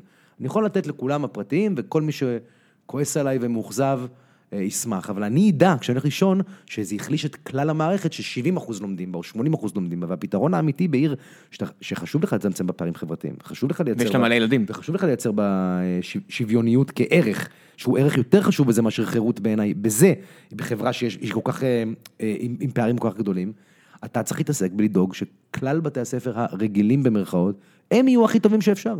שהם יהיו הכי טובים שאפשר. ואנחנו מעבירים את הבתי הספר האלה מהפכות, שאני מאוד גאה בהם. בכלל, החמש שנים האחרונות שלי בחינוך הם הניסוי כלים של צבירת היכולת הניהולית וקידום התהליכים שהובילה אותי למציאות שבה אני אומר, אוקיי, אם אני, מה שאני הצלחתי להניע בחינוך אחרי הרבה שנים שהוא היה קפוא, אה, אצליח לעשות בדברים אחרים בעירייה. המשימה שמושלמה בעיניך? אה, בחיים היא לא תושלם גם. לא, אני אומר, מבחינת הדברים שרצית להשיג ב... הייתה לי משימה אחת שהושלמה, אחת בלבד שהושלמה. זו המערכת הכי גדולה בעירייה, עם הכי הרבה עובדים, והכי הרבה תקציבים, ומשרד החינוך, והכי הרבה מורכבות והכל, והיא הרגישה אה, לפני חמש שנים גם קפואה במקום, וגם שהיא אומרת לעצמה שסך הכל הכל בסדר. כזה, במין, שזה מה שקורה אחרי יותר מדי שנים, שבאופן כללי הכל בסדר. והמשימה שלי הייתה לגמור חמש שנים, שאנשים אומרים, אוקיי, זה זז, זה בתזוזה, זה הולך למקום חיובי יותר. מדברים בירוקרטיים קטנים שמדליקים אותי, כי אני אוהב להתעסק בבירוקרטיה, להפחית בירוקרטיה, כמו העובדה שהשנה 90% מההורים לילדים בגני ילדים לא היו צריכים להגיע לעירייה כדי לרשום את הילד שלהם לגן, בכלל לא היו צריכים לדבר עם אף אחד, הכל היה דרך הטלפון, כמו שצריך להיות. עד הדברים הכי מהותיים שהצלחנו לעשות בתוך המערכת, ששוברים את החוויית אה, ילדות שלי. אני גדלתי פה במרכז צפון ישן, כולם היו סביבי, אנשים שנראו כמוני, עם תפיסה פוליטית כמוני, מעמד סוציו-אקונומי כמוני, זה כל מה שהכרתי. זה, אתה, אתה סיפרת לי קודם שנשיאנו, האהוב, אה, מגיע הנה, בתיאוריה. בתיאוריה. עד- עד- עד שזה לא קורה, עד- עד תצטרך שהוא- להוציא את זה בעריכה, את הקטע שאני מדבר? לא, אוקיי. העוזרת שלו עובדת על זה, אני אז יודע... אז תראה, אז... אז כל הפוליטיקאים האלה שפה... אני, אני, אני חושב שהוא בדרכו להיות uh, מהנשיאים הכי טובים שהיו במדינת ישראל, ו, ולו בגלל מה שנקרא נאום השבטים וההתעסקות בחבית נפץ הזאת של החברה הישראלית, שהיא, שאני ואתה מדברים כל היום, אבל אין פה סביבנו, ואני לא אומר את זה כביקורת, כי זה, אבל אין פה הרבה, או בכלל, חרדים שעובדים כאן, וערבים שעובדים כאן. יש לי חובש כיפה אחד, ויש לי אישה אחת מתוך אה, עובדים בארץ 25 אנשים. חובש כיפה אחד, אחד, שהוא כיפה. שאני מהמר שהוא כיפה סרוגה גם, שהוא ציונות דתית והוא לא חרדי. הוא לא חרדי. לדעתי באוזן הבחור, אה, אה, סתם אני צוחק, אוקיי. אבל אה, לא, לא, לא, הוא אמריקאי, אבל עדיין חובש כיפה. אוקיי, אז כשאנחנו היינו ילדים, 80% מהאנשים במדינת ישראל, או ככה היה בהרגשה שלנו, היו חילונים יהודים, וה-20% האחרים היו מיעוטים שנתנו להם לשחק במה שהם רוצים, נכון? והיום זה, זה הולך לקראת רבע, רבע, רבע, רבע. זה כבר חצי חצי, חרדים וערבים בכיתה א' הם חצי, ויהודים חילונים ויהודים ציונות דתית הם חצי, שמתוכם זה שליש חילונים ו- ושישית... אה, אני לא חושב שעשיתי משהו נכון אה, מספרית. כן, כן, בטוח, אל תדאג, בשביל זה יש טוקבקים. אוקיי, סבבה. וואו. כן, כן, המימים בדרך. שליש ועוד שליש ועוד שליש ועוד שישית ועוד ארבע ועוד רבע. סבבה. אבל הבנת, העיקר מה אני שכולם אומר. מקבלים עכשיו- כיתה. עכשיו, אה, אני גדלתי בארצות הברית, למדתי בבית ספר אמריקאי, בפאבליק סקול היו איתי ילדים אה, יהודים, נוצרים, מוסלמים, שחורים, לבנים, הכל, אה, דתיים, חילונים, וכל אחד הלך הביתה ועשה מה שהוא רוצה, אבל בבית ספר כולם היו אותו דבר, וכששאלת עשרה ילדים מהכיתה שלי, מה זה אמריקה? אז קיבלת עשר תשובות דומות יחסית, אפשר לאהוב אותם או לא. ובישראל, זו המדינה היחידה שאני מכיר בעולם שיש לה הפרדה זרמית לחינוך, שמגיל שלוש אם אתה ערבי, אתה לומד בגן ערבי, כולם ערבים, הגננת ערבייה, ואתה לומד בערבית. ואם יש לך כיפה סרוגה, אתה לומד, כולם עם כיפה סרוגה. אתה, ככה נראה לך העולם עד גיל 18. ואז שכולם גדלים, למה יש שבטים? נכון, ברור. נכון, אבל, אבל אז כולם גדלים למציאות שבה אמורים לקבל החלטות ביחד ולחיות ביחד ולהבין את הסיפור אחד של השני.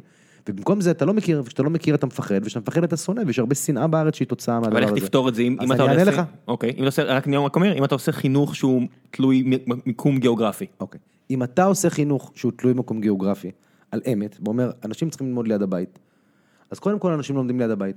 אז השיריקים של יפו לומדים הערבים של יפו? לא, לא, לא, לא, לא, לא, חכה. ולפני שנתיים התחלתי תוכנית, היא לא קשורה למה שאמרתי עכשיו, שקוראים לה חברותה, שהיא ערכית התוכנית שאני הכי גאה בה, שקידמתי אי פעם בעירייה. היא לקחה את כל כיתות ד' בתל אביב ואת כל כיתות ח' בתל אביב. וחילקה את כל בתי הספר בעיר לזוגות. אמרה, בית ספר, סתם, כן, בית ספר ערבי ביפו, בית ספר דתי בכפר שלם, בית ספר מהצפון ובית ספר מהדרום, בית ספר רגיל ובית ספר חינוך מיוחד. ואמרה, עכשיו אתם לומדים מקצוע שנתי אחד, כל השכבה, יחד, שבוע פה ושבוע פה.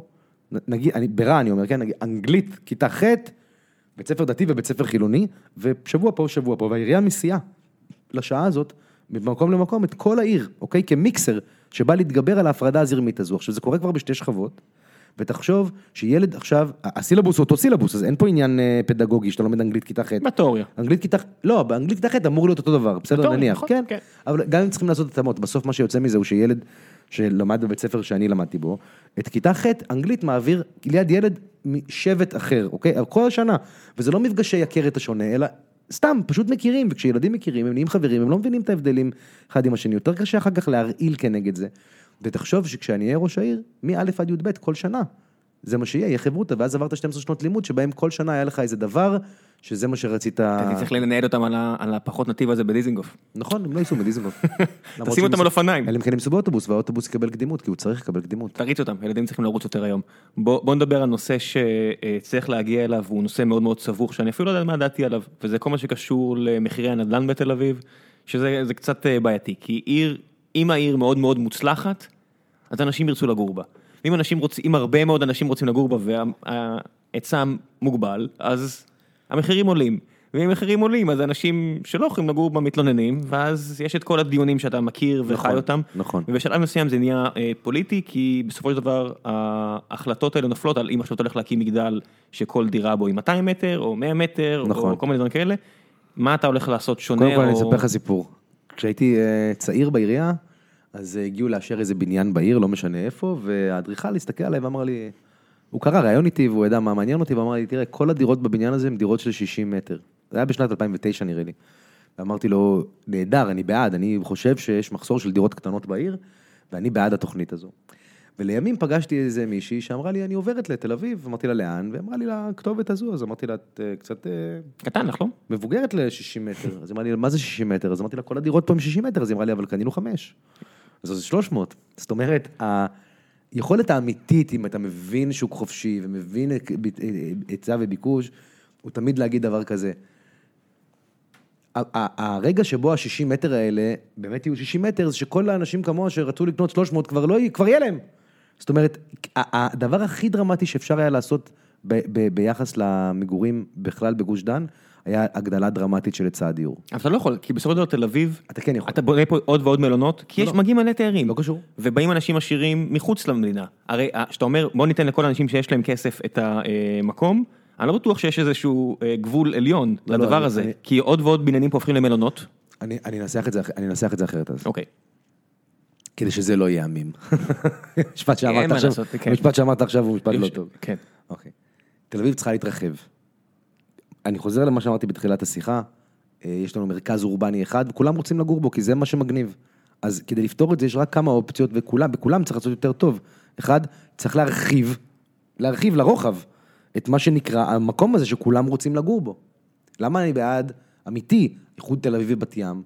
למה אני חושב שכל ערי המטרופולין צריכים להתאחד? כי היכולת לייצר עקרונות תכנון שירחיבו את הדבר הזה שנקרא מרכז תל אביב למקומות שאנשים נוספים ירצו לגור בהם, ושאיכות החיים האורבנית בהם תהיה יותר טובה, היא הפתרון נאמבר 1 לזה, ל- ל- ל- לנושא של זה לא. שאם תקרא אני לבת ים תל. אביב זה פותר את הבעיה. כי לא, אתה יודע, אבל- כבר עכשיו יש שכונות בתל אביב שהרבה אנשים לא רוצים אני- לגור אני- בהן. שנייה, אם עיריית תל אביב-יפו הייתה מקבלת לידיה, לצורך הדיון, את ניהול המרחב האורבני של רמת גן, אז המרחב היה אה, בעיניי מנוהל בצורה שהיא יותר טובה, והביקוש למגורים בה היה עולה, והוא היה נהיה יותר, כן, מגניב, איכות חיים. אז למה לא להתחיל עם. השכונות בתל אביב ש... אז אני בעד להתחיל, דיברנו על זה קודם, אמרתי, מזרח תל אביב. שמזרח תל אביב, אני חושב שמזרח תל אביב, אני חושב שצפון תל אביב הם אזורים שאפשר להרחיב בהם את האורבניות. למה אני הולך לרמת גן תמיד? כי בניגוד לצפון תל אביב ומזרח תל אביב, רמת גן רובה בנויה כבר כעיר, היה רק צריך להסדיר אותה. הרבה פעמים- מסחר, כן. הרבה, הרבה פעמים אנשים באים אליי ואומרים לי, איבדת אותי בעיר כי עברתי לרמת גן. ואני אומר לו, מה זה איבדתי אותך? זה ציור אה, מוזר על מפה. אתה יותר קרוב לכיכר רבין ממישהו שגר בגימל או ביפו ד'. נכון. אה, זה, ה- זה, זה, זה, זה תכלס פרבר של מרכז תל אביב. יש הרבה שכונות בגבעתיים שהן 35 דקות מאיפה שאנחנו נמצאים פה, בניגוד להרבה מקומות בצפון תל אביב שהם שעה וחצי הליכה בשבילי. נכון, חד משמעית, ולכן ההרחבה הזו היא דבר שהוא דרמטי. וכן, יש אזורים, תראה, בגלל זה יש, יש לנו פרויקט אה, ברחוב לגרדיה, שהופך את רחוב לגרדיה, הוא עושה לו תהליך שאני קורא לו אבן גברוליזציה, שהוא הופך אותו למסחר בקומת הקרקע, מגורים למעלה, שבילי אופניים וכדומה, ואני בעדו, והוא מעורר, אתה יודע, קשה להעביר שינויים כאלה במקומות מחוץ למרכז תל אביב, כי אנשים רגילים לאיכות חיים מסוימת ומפחדים משינוי, אבל כתפיסה אני מאוד מאוד מקדם אותה ואני מאוד בעדה, ובכלל, הכנסה של עירוב שימושים אה, בעיר והגדלת צפיפות בעיר היא דבר שאני מאוד מאמין בו. אחת המילים הכי אהובות על אה, יזמי נדל"ן, כי יש את העניין הזה של לקרות את אה, איילון, ואז כולם מראים שם ציורים יפים של פארק, כולם ירוצו וכולם ישחקו בכדור מעל איילון, ואני אומר לעצמי, "Hmm, זה נראה כמו משהו ש...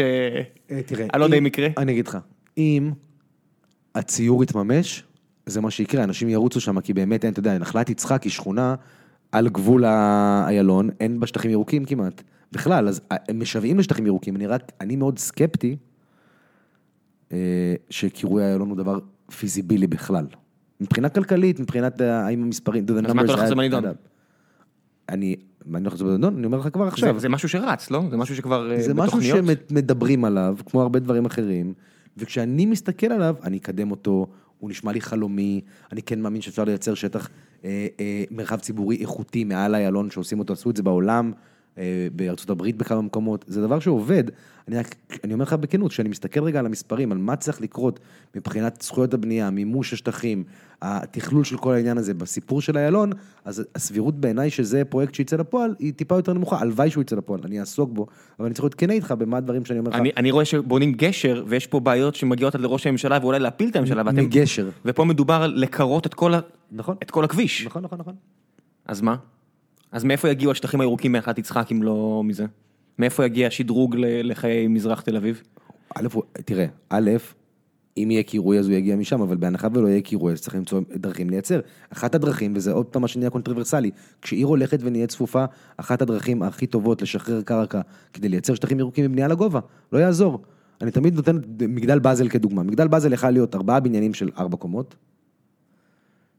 רובע עירוני כמו כל שאר הבלוקים. כמו רוב הבניינים או- מסביבו. בדיוק. או העמיסו ארבעה בניינים, אחד על שני, אחד על השני, ונוצרה רחבה. והרחבה הזו יצרה חיים של מסחר, אה, בדפנו, בדפנות, ו- ו-. ולב לשכונה. כן, עכשיו, בוא אני אתן לך דוגמה. אותו עיקרון בדיוק היה אמור להיות בפרויקט שנקרא שוק בצלאל. שוק בצלאל היה אה, קרקע, חניון, ווטאבר, לפני הרבה שנים העירייה מכרה אותו תמורת זכויות בנייה, שהזכויות בנייה היו אמורות להיות של בניין של, אל תתפוס אותי במילה, משהו בין 20 ל-30 קומות, מה שנקרא מגדל, באחת הפינות של רחבה, וזה היה אמור לפתוח את כל הרחבה הזאת, להיות כמו באזל, ולתת לרחובות כמו צ'רניחובסקי והמכבי, חזיתות מסחריות, ולב לשכונה, גם באזור שאין בו שטחים ציבוריים אה, פתוחים. אבל המאבק שם היה מאבק כנגד המגדל, כי אנשים לא אוהבים את המילה המגדל והגובה. מאוד לא אוהבים. כן, עכשיו, מה שהרבה פעמים לא מוכנים לקבל הוא, שאפשר להתנגד למגדל, אבל זכויות בנייה הם זכויות בנייה, ונפח הוא דבר שאפשר לשחק איתו. אז אם אתה לא רוצה 30 קומות בבניין שהוא, שהתכסית שלו, הגריד, התכסית שלו היא נניח 800 מטר, אז אתה תקבל, אתה יכול לעשות שני בניינים של 10 קומות על 2,000 מטר, אתה יודע, אתה יכול, ומה שקרה בשוק בצלאל, הוא שבמקום לבנות את המגדל הזה, האחד, שהיה מפריע לאנשים בעין כי לא אוהבים מגדלים, אבל מסביב היו נהיים חיים ברמת הרחוב, כן? רמת, הר... העיר צריכה להסתכל על עצמה מהרחוב, מהולך הרגל, איך הוא חווה את העיר, לא משום דבר אחר, זה הפריוריטי מספר אחד צריך להיות. והוא יכל להיות שם מדהים, ובגלל הלחץ הציבורי, באה העירייה ואמרה, אוקיי, אז נחלק את הנפח הזה אחרת, ונעשה שני בניינים שלדעתי, לא זוכר, 13 קומות, 11 קומות, הם בניינים שמנים, המרחב הציבורי שם הוא קטן, הוא יפה עדיין, אבל הוא קטן, את כל היתרון, אתה רואה עדיין את הבניינים האלה מכל מקום, אתה מכיר את הפרויקט? והוא יכל להיות פרויקט אחר, אז אתה יודע, עכשיו הוא בנוי, והוא בנוי כמו שהוא בנוי, ופספסנו הזדמנות לשחרר שטח יקר מפז בעיניי בגובה הרחוב, כי אנשים לא רוצים להסתכל למעלה ולראות 30 קומות, אז אני חושב שגם במזרח תל אביב, ובהרבה מאוד מקומות, הבנייה לגובה היא יכולה להיות הרבה פעמים פתרון לשחרור המרחב הציבורי, אם עושים אותו נכון, כי הרבה פעמים העירייה, מה הבעיה גם? שבהרבה מאוד שנים העירייה כשלה, כישלון אמיתי, בלייצר את התמורה כתמורה חיובית. אתה בכלל שם? אני אומר, יש שלטים שלך עכשיו במזרח תל אביב? בטח. באותה בטח. כמות כמו במרכז העיר? לא, יותר. יותר. אני אגיד לך יותר מזה, יש לי יותר, יש, אני הייתי עד עכשיו, נניח, לא רוצה לספור סתם, אבל שבוע שעבר הייתי בארבעה או חמישה חוגי בית, שאחד מהם היה בכפר שלם, שניים מהם היו בתקווה, שניים ביד אליהו ואחד מנחלת יצחק. תסביר. להסביר? אני אסביר. אני בוחר להתעסק כבר עשר שנים בדברים הכי יומיומיים בתל אביב, והכי משמעותיים לתושבים, ש... ושהכי קשים לשינוי, שקשורים לחינוך ולקהילה ולמוסדות ציבור ולאירועים אה, שכונתיים ולכל מיני דברים שבסופו של דבר, ככל שאתה יוצא ממרכז העיר, נהיים נורא נורא רלוונטיים לתושבים. ואחרי עבודה של עשר שנים, יש שם הרבה מאוד אנשים, לא, אני לא מועמד שהגיע מהכנסת, שמפורסם על עמדותיו, כרגע ועכשיו, אין כזה. ועכשיו, נכון, ועכשיו, כרגע. אוהבים או לא אוהבים. אני בן אדם שעובד עשר שנים, וצבר מספיק אנשים בכל אזור בעיר שאומרים, הייתי מעדיף שאתה עכשיו תהיה ראש העירייה, כי הבחירות הקרובות הן לא על העבר, הן על העתיד. ובעבר לקחת חלק אה, בשיפור העירייה בעשר שנים וצברת ניסיון ניהולי, אבל אה, אנחנו רוצים להסתכל עשרים שנה קדימה, ואנחנו רוצים מישהו שגם יהיה מוכן להגיד איפה לא בסדר, ואיך אפשר אולי לנסות לתקן את מה שלא בסדר, ושיהיה פרואקטיבי ולא יגיד לנו, זה לא באחריותי, זה כבר טופל וכדומה, שזה דבר שקורה בכל אדמיניסטרציה, גם הטובה ביותר, אחרי עשרים שנה. אתה מאוד רך כלפי האדמיניסטרציה הנוכחית, ובכלל, הקמפיין כרגע מאוד אה, נקי. אני, אני, אוקיי. אה, זה משהו שהולך להימשך? זה משהו שאתה תראה. מרגיש, תשמע, אתה הגעת מנקודה להעיף incumbent, אה, אה, ראש עיר מכהן, זה נורא קשה. נכון. ו... ואם לא הייתי חושב שזה חשוב, לחמש שנים הקרובות, אז גם לא הייתי יוצא מהאזור נוחות שהייתי בו, שכמו שאמרת קודם, היה אהוב, משפיע, פחות קונטרברסלי. כן, עוד, עוד חמש שנים זה גיל 43, זה מה שנקרא עדיין לא מאוחר להיות ראש עירייה. כן. אני רק אומר, אתה, ואתה בוחר, לפי מה שאני רואה, ובכלל, כל המערכת בחירות הזו עדיין מאוד מאוד אה, נקייה ונחמדה. כן. השאלה שלי, אם גם בחוגי בית, אתה שומר על זה ככה, כן. או שאתה יודע, בשלב מסוים הרי מישהו צריך ללכת לקלפי ולהחליט, אה, אני הולך עם הראש עירייה שאני מכיר, רון חולדאי, או לחילופין, לא יודע, אסף הראל שאני רואה אותו בטלוויזיה, או לחילופין, אה, הנה אסף זמיר ששמעתי עליו, בשלב מסוים, אה, האם אתה ממשיך עם הקו הנקי הזה, או שבחוגי בית אתה יותר מדגיש מה המשטר הנוכחי עושה, משטר, האדמיניסטרציה הנוכחית עושה לא טוב, מעבר לדברים... אה, גם פה אני מוכן להדגיש את זה. אז אתה לא, נורא רך, אתה נורא רך. לא אני רוצה להסביר לך את ההבדל בין רך לבין מה שאתה מתכוון, אוקיי? אוקיי? ואתה מכיר אותי הרבה שנים. כן. ואני עשר שנים בפוליטיקה. ואני אה, חושב שאפשר לנהל את הפוליטיקה בצורה שהיא יותר מכובדת, על אמת. אני לא אומר שזה לא משהו טוב או רע, אני שואל, כן? אני לא יוצא על אנשים בפייסבוק. אני לא יושב כל היום ומחפש על מי להעביר ביקורת, אני לא, אני לא בונה את עצמי על חשבון להכניס אצבע בעין למישהו אחר. גם לא יצאו עליך, אני אומר, זה באופן כללי אה, אני, מאוד נקי פה. כי אני, לא, קודם כל יוצאים על אנשים אחרים.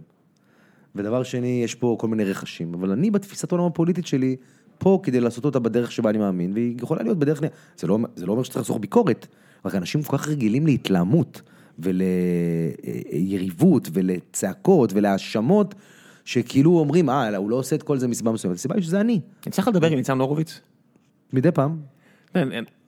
off the record, יצא לי ככה לדבר איתו מדי פעם, והוא ממש, יש לו כאילו בטן מלאה על זה שאני, אני ככה נראה לי לפחות, על זה שהוא לא, נתן יותר טראמפיזם נקרא לזה, אתה יודע, מסרים יותר ברורים, חדים, שהם מגעילים אולי, אבל הם עובדים, אני חושב שלא יודע, כל, לא יודע, איזה יועץ פוליטי כזה, shyster כזה, מניו יורק יגיד לך, אין מה לעשות, צריך. יכול להיות, יכול להיות שצריך, יכול להיות שיצטרך, אבל אני חושב ששני הדברים המרכזיים, או שלושת הדברים המרכזיים שאני מדבר עליהם, הם מספיק חזקים לאדם שבאמת מקשיב לתוכן.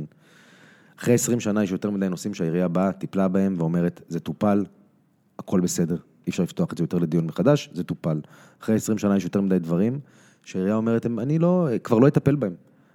ובאופן כללי, אין ספק שרוב מוחלט של אנשים חושב שצריך להגביל בזמן אדמיניסטרציות, כי לצד כל הטוב קורה הרע, וכשיש מועמד שכבר יודע לעשות את זה טוב יותר, ושעם אנרגיות יותר טובות, ושכבר הוכיח במה שהוא עשה, שהוא עשה את זה טוב, אז זה זמן נכון והזדמנות נכונה לפתוח פתח חדש, כי או שנלך לחמש שנים שבמקרה הטוב קיפאון של כל מה שאתה מכיר ימשיך כמו שהוא, ולא יתמודדו באומץ עם הדברים שעד היום עשו בצורה לא טובה, או שנתן הזדמנות לעשות את זה בצורה אחרת. אוקיי, לפני שנעבור לשאלות. לא יכול להיות אגב, שאת העיר הכי צעירה המטרופולינית בעולם, לא יכול לנהל בן אדם שהוא בדור הזה של בני 40. זה לא, אתה יודע, זה לא... זה טענה בכלל? זו טענה לפעמים, כן, שלא.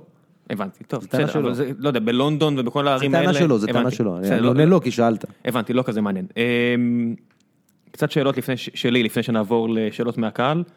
א', אה, הספורט, כל מה שקשור לספורט אישית נורא מעניין אותי, מבחינתי אה, שלמכבי לא יהיה בית אף פעם, אבל אני מניח שיש הרבה אוהדי מכבי ואוהדי הפועל תל אביב שכן היו שמחים למגרש ולא היו צריכים לנדוד עד לנתניה.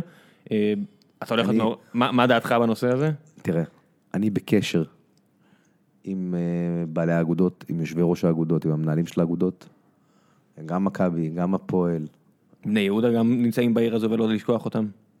אני אה, לא רק שלא שוכח אותם, אלא יושב עם ארגוני האוהדים שלהם כבר שבועיים, אני יושב עם כולם, ואני מכיר את כולם, והתשובה שלי על בני יהודה היא אחרת פשוט, בגלל זה לא העליתי אותם, כי אני חושב שהפועל ומכבי ישחקו בסוף בבלומפילד, והתפקיד שלי יהיה לדאוג גם שהם ישחקו בבלומפילד, גם שהם יהיו מרוצים, וגם ש...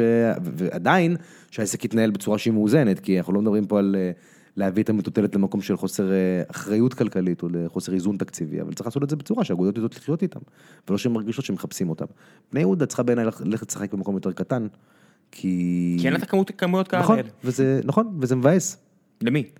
מה קטן, זה מועדון קטן, הוא שמח להיות קטן. לא, מבאס למועדון קטן לשחק במקום עם כל כך הרבה, אה, באיצטדיון כל כך גדול, ולא, אה, בטח. זה הכוונה שלי. כן, כן, בטח. ולכן הוא צריך לשחק במקום יותר קטן. בחלומות שלי, הוא צריך לשחק בשכונה. זה גם היה מאוד, כשהוא שיחק בשכונה, זה גם היה חשוב לשכונה. ראית בימים של משחקים את רחוב האצ"ל מלא, וראית, אוקיי. אז אה, מצד שני, גם היו הרבה תלונות של שכנים על המטרדיות של זה. אז צריך למצוא את הדרך לייצר לו אה, אלטרנטיבה שהיא לא בלומפילד. אבל בלומפילד, ישחקו בו, תחתיי, אה, אנחנו נבחן לקרות אותו. אמ, מתי?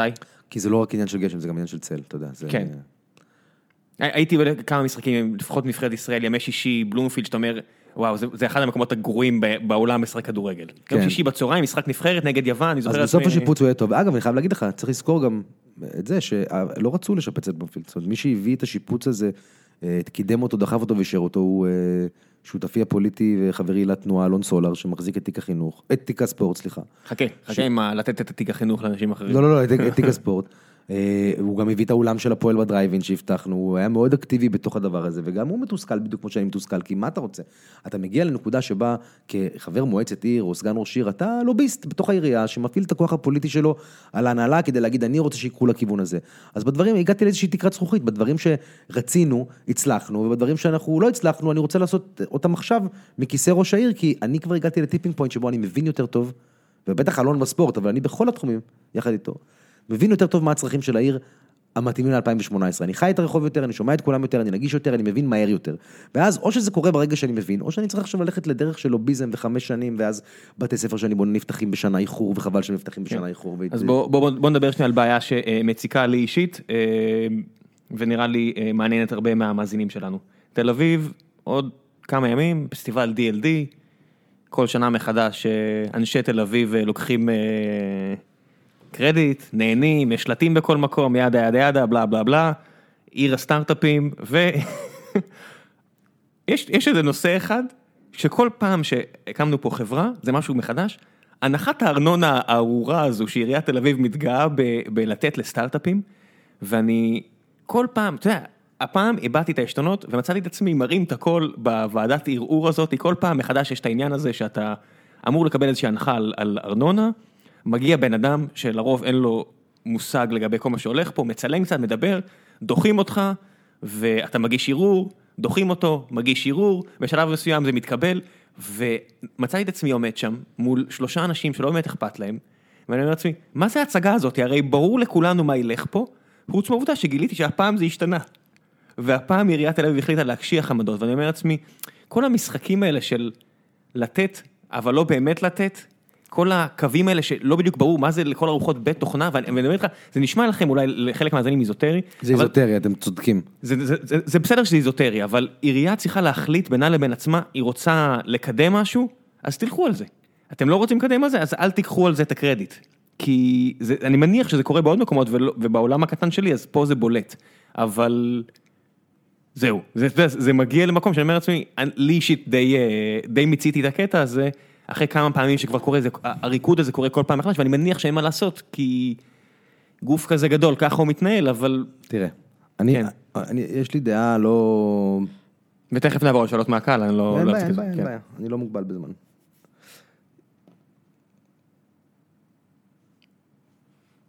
כן, רגע, שנייה. בודק את הטלפון. טם טם טם טם טם טם טם טם טם טם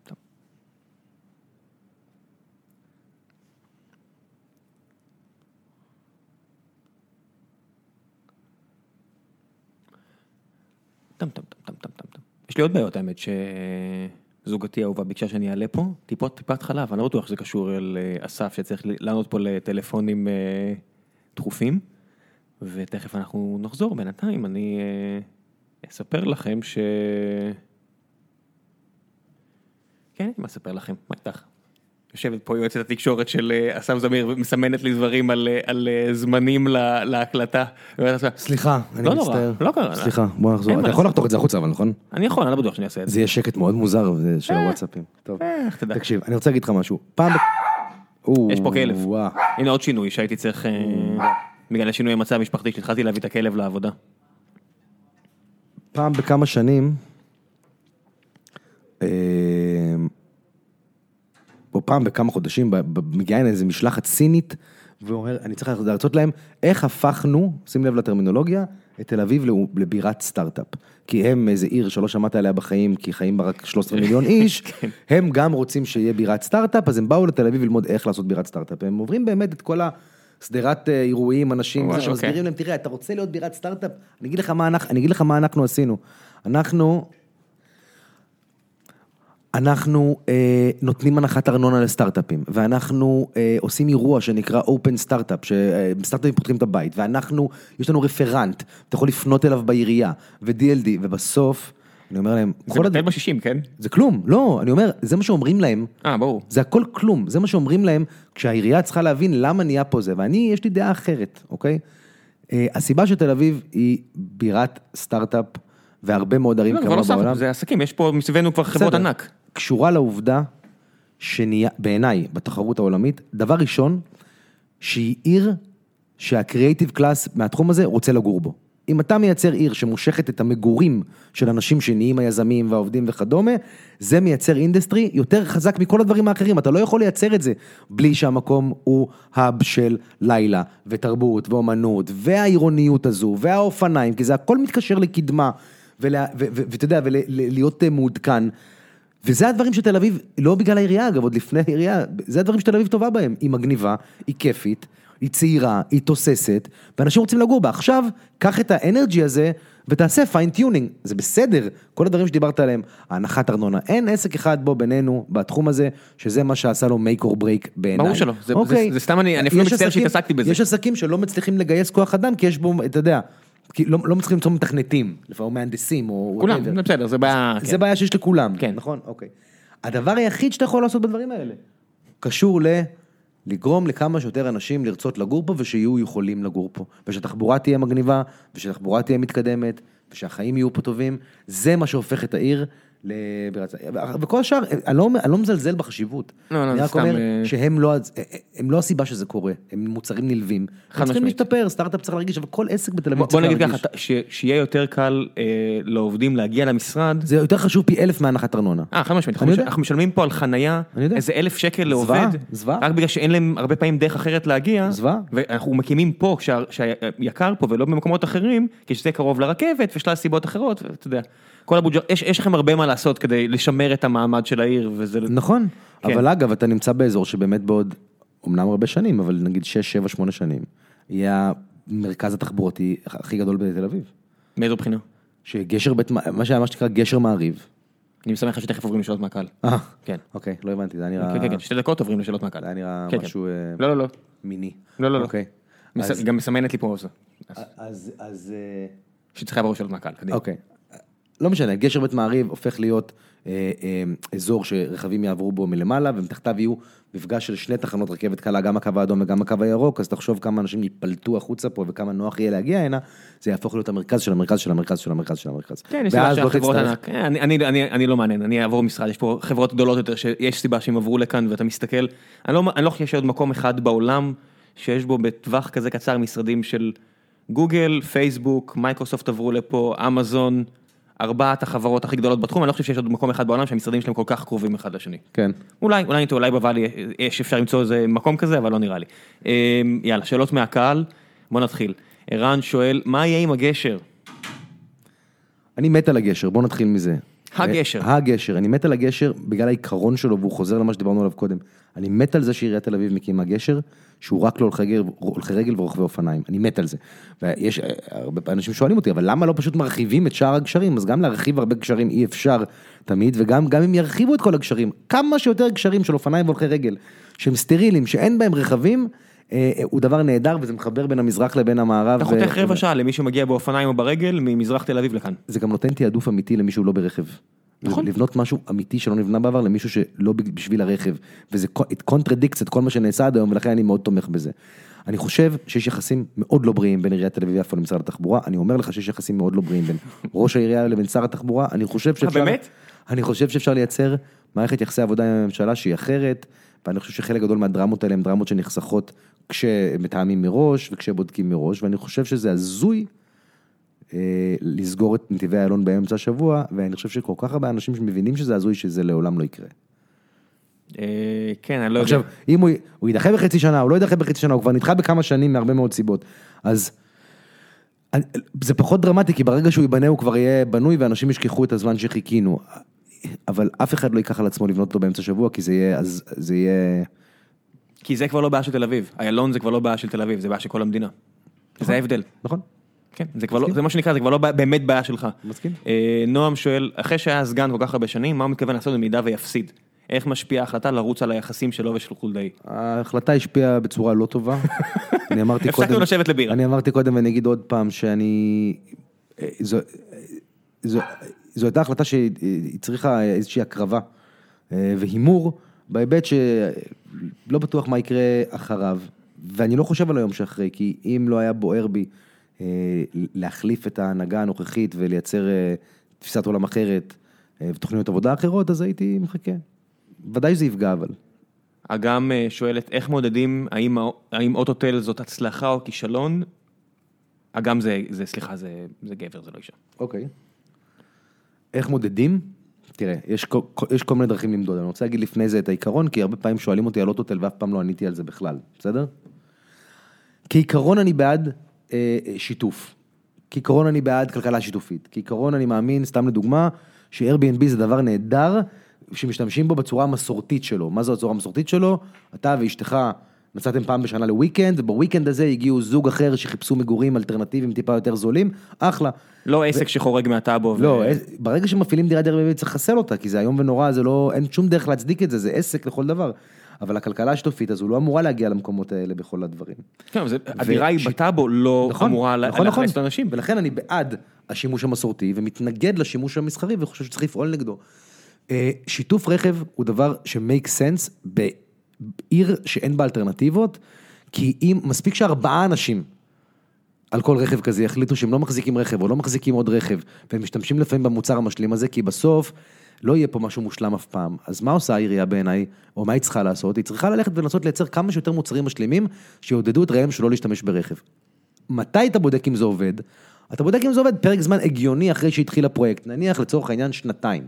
אחרי שנתיים אתה יכול לפתוח אותו, אני רוצה להגיד לפעמים שלוש, אבל נגיד שנתיים, ולבדוק מה אחוז השימוש, לעשות סקר, להבין מה קרה לשימוש ברכבים, אם זה עבד, מדהים, אם זה לא עבד, אני לא, לא אפחד לסגור אותו, והרבה פעמים שואלים אותי, אבל הרבה כסף הושקע בו, ואני אומר שאני חושב שתל אביב צריכה להיות beta site לניסויים בהרבה מאוד תחומים, והיא צריכה לנסות בדברים שהיא יודעת להסביר לעצמה מלכתחילה למה היא ניסתה, כן? וה... sunk cost זה sunk cost, אין מה לעשות. הלך, תתרגלו. כן, נכון, לא, אבל זה גם טוב שמנסים פה, ולא צריך לפחד לנסות פה. ואם היא בירה של חדשנות ו... ו... וסטארט-אפ, אז היא צריכה גם להיות בירה של ניסוי בפתרונות. חדשניים לטיפול בבעיה הכי גדולה בעיר, שהיא תחבורה. מאיה שואלת, מה עושים כדי שתל אביב לא תהפוך לעיר לעשירים בלבד? כבר עכשיו מרגישים את הדחיקה החוצה. עושים שלושה ארבעה דברים. הראשון הוא באמת הניסיון והרחבת החוצה הזה אה, למקומות שהם...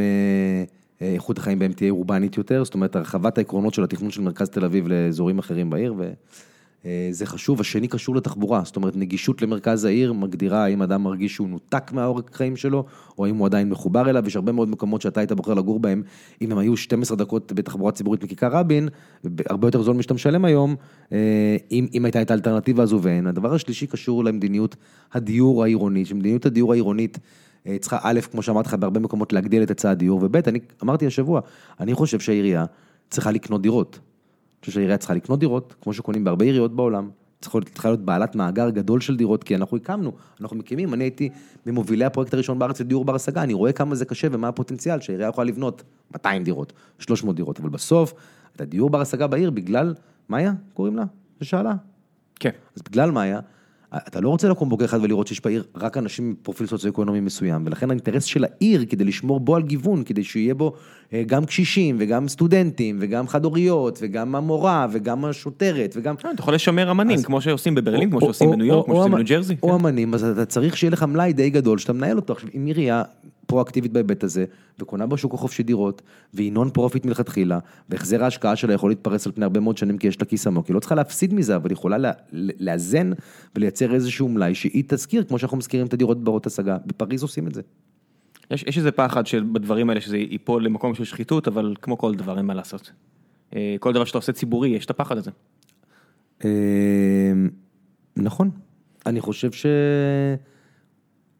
השנים האחרונות עשו טוב לתחום הזה, כי אני חושב שהפיקוח הציבורי, העין הציבורית, אמצעי התקשורת, הטלפונים, האינטרנט, גילויי שחיתויות ברשויות מקומיות, לדעתי צפוי, אנחנו צפויים לראות ירידה אה, בשחיתות. רעות שואלת, אה, האם לדעתך המצב בדרום תל אביב נמצא באחריות העירייה או שזאת כבר בעיה לאומית? מה האג'נדה שלך בנוגע אה, בכל הנושא של הפליטים והבעיות החברתיות באזור? או-אה, אני אגיד לך. אבל כמה זמן יש לי לענות את התשובה הזאת? זה תלוי בך, לא בי. זו תשובה מורכבת, אוקיי. אני אגיד לך דבר כזה, באופן עקרוני, במדינת ישראל עד לפני כמה שנים הייתה המדינה היחידה המערבית הדמוקרטית בעולם שהייתה נגישה ברגל מאפריקה. יכולת ללכת ברגל ולהגיע הנה ולשטוף פה כלים ו-50 שקלים לשעה. והגיעו הנה עשרות אלפים. בגלל היעדר מדיניות הגירה אה, ממשלתית, בגלל היעדר execution, של שמירה על הגבולות, מאלף ואחת סיבות, וגם המצב ההומניטרי באפריקה והמצב הכלכלי באפריקה. אז חלק הגיעו הנה כי הם פליטים, וחלק הגיעו הנה כדי למצוא עבודה, אבל המציאות היא שהם הגיעו, ואני הסתכלתי על הדבר הזה לפני שמונה שנים, שבע, שבע, שבע שנים. וכתבתי גילוי דעת ואמרתי, חברים, אני רוצה שתדעו שאנחנו, הם הולכים להישאר פה הרבה מאוד שנים. לא משנה מה מבטיחים לכם. זאת אתגר, זה אתגר שילווה אותנו עשרות בשנים. אז לא כולם, 80 אחוז, אבל תדעו. ולכן אני אומר לכם כבר היום, מה שקשה לכם לשמוע, אנחנו צריכים לפעול כדי שאיכות החיים שלהם תהיה גבוהה ככל הניתן, וכך איכות החיים שלנו, הגרים סביבם ולידם, תהיה גבוהה ככל הניתן. נקודה, אין עוד אופציה אחרת. תבוא מדינת ישראל ותגיד, אה, אני, מגרשת אותם לקנדה, אני תומך. תבוא מדינת ישראל ותגיד, אה, העברתי חוק שמותר להם להישאר פה, אבל רק אה, הם עוברים אלף לעפולה, אלף להרצליה, אלף לערד, אני תומך. אבל זה לא יקרה, וזה לא יקרה, ואני אומר את זה כבר הרבה יותר מדי שנים, ובינתיים, במקום לאמץ את תפיסת העולם שלי, ממשלת ישראל עושה את הדבר ההפוך. היא אומרת, אני, מפחד פוליטי של להיות אמיץ ולהגיד לציבור את המציאות בעיניים, אני אקשה עליהם, הממשלה אומרת, את החיים, כדי שהם ירצו לעזוב, אבל אין רמת חיים שבה אנשים רוצים לעזוב. ולחזור לאפריקה. בדיוק, ולכן, כל השנים של חולות, ומשטרת ההגירה, וחוק הפיקדון, ואסור להוציא כסף למשפחה, כל הדברים האלו, הם לא עוזבים רובם, ואיכות החיים שלהם מידרדרת, ומי שסובל מזה זה לא רק הם, אלא גם מי שחי סביבם. אז אתה שואל אותי את תוכניתי, אני אומר דבר כזה, אני חושב שבאופן זמני, אנחנו צריכים ללמוד לחיות עם קה- קהילת המהגרים והפליטים שהסתננו לארץ. אני חושב שזאת האמת. מה גם שהמספר נעצר, בסופו של דבר המדינה בגלל עצרה את זה הגדר, ביבי לגמרי. כן. בנה גדר על אמת, מהרגע שאם היה בונה אותה קודם אז הייתה בעיה יותר קטנה, אבל הוא אבל בנה הוא- אותה בנקודה מסוימת וה- והכניסה אה, פסקה. כרגע, לפחות לגבי מהגרים מאפריקה, כן, עיריית תל אביב, אנחנו- בונים עבורם בתי ספר וגני ילדים, אני אומר לך שאם יש ילד היום בן חמש בשכונות האלו, שהוריו אריתראים, ושהוא בגיל 25, אם אני צודק, ובגיל 25 הוא עוד יהיה פה, אז עדיף לכולנו שהוא קיבל חינוך, ושירותי קהילה, ושירותים חברתיים, ואת היכולת לעבוד, ו ו ו, כי מה האלטרנטיבה? אני לא רואה אותה. אני אתמוך בה אם היא תגיע, אבל אני בגיל לא רואה 25 אותה. הוא יהיה ישראלי. תאהבו את זה או לא, הבן אדם ישראלי.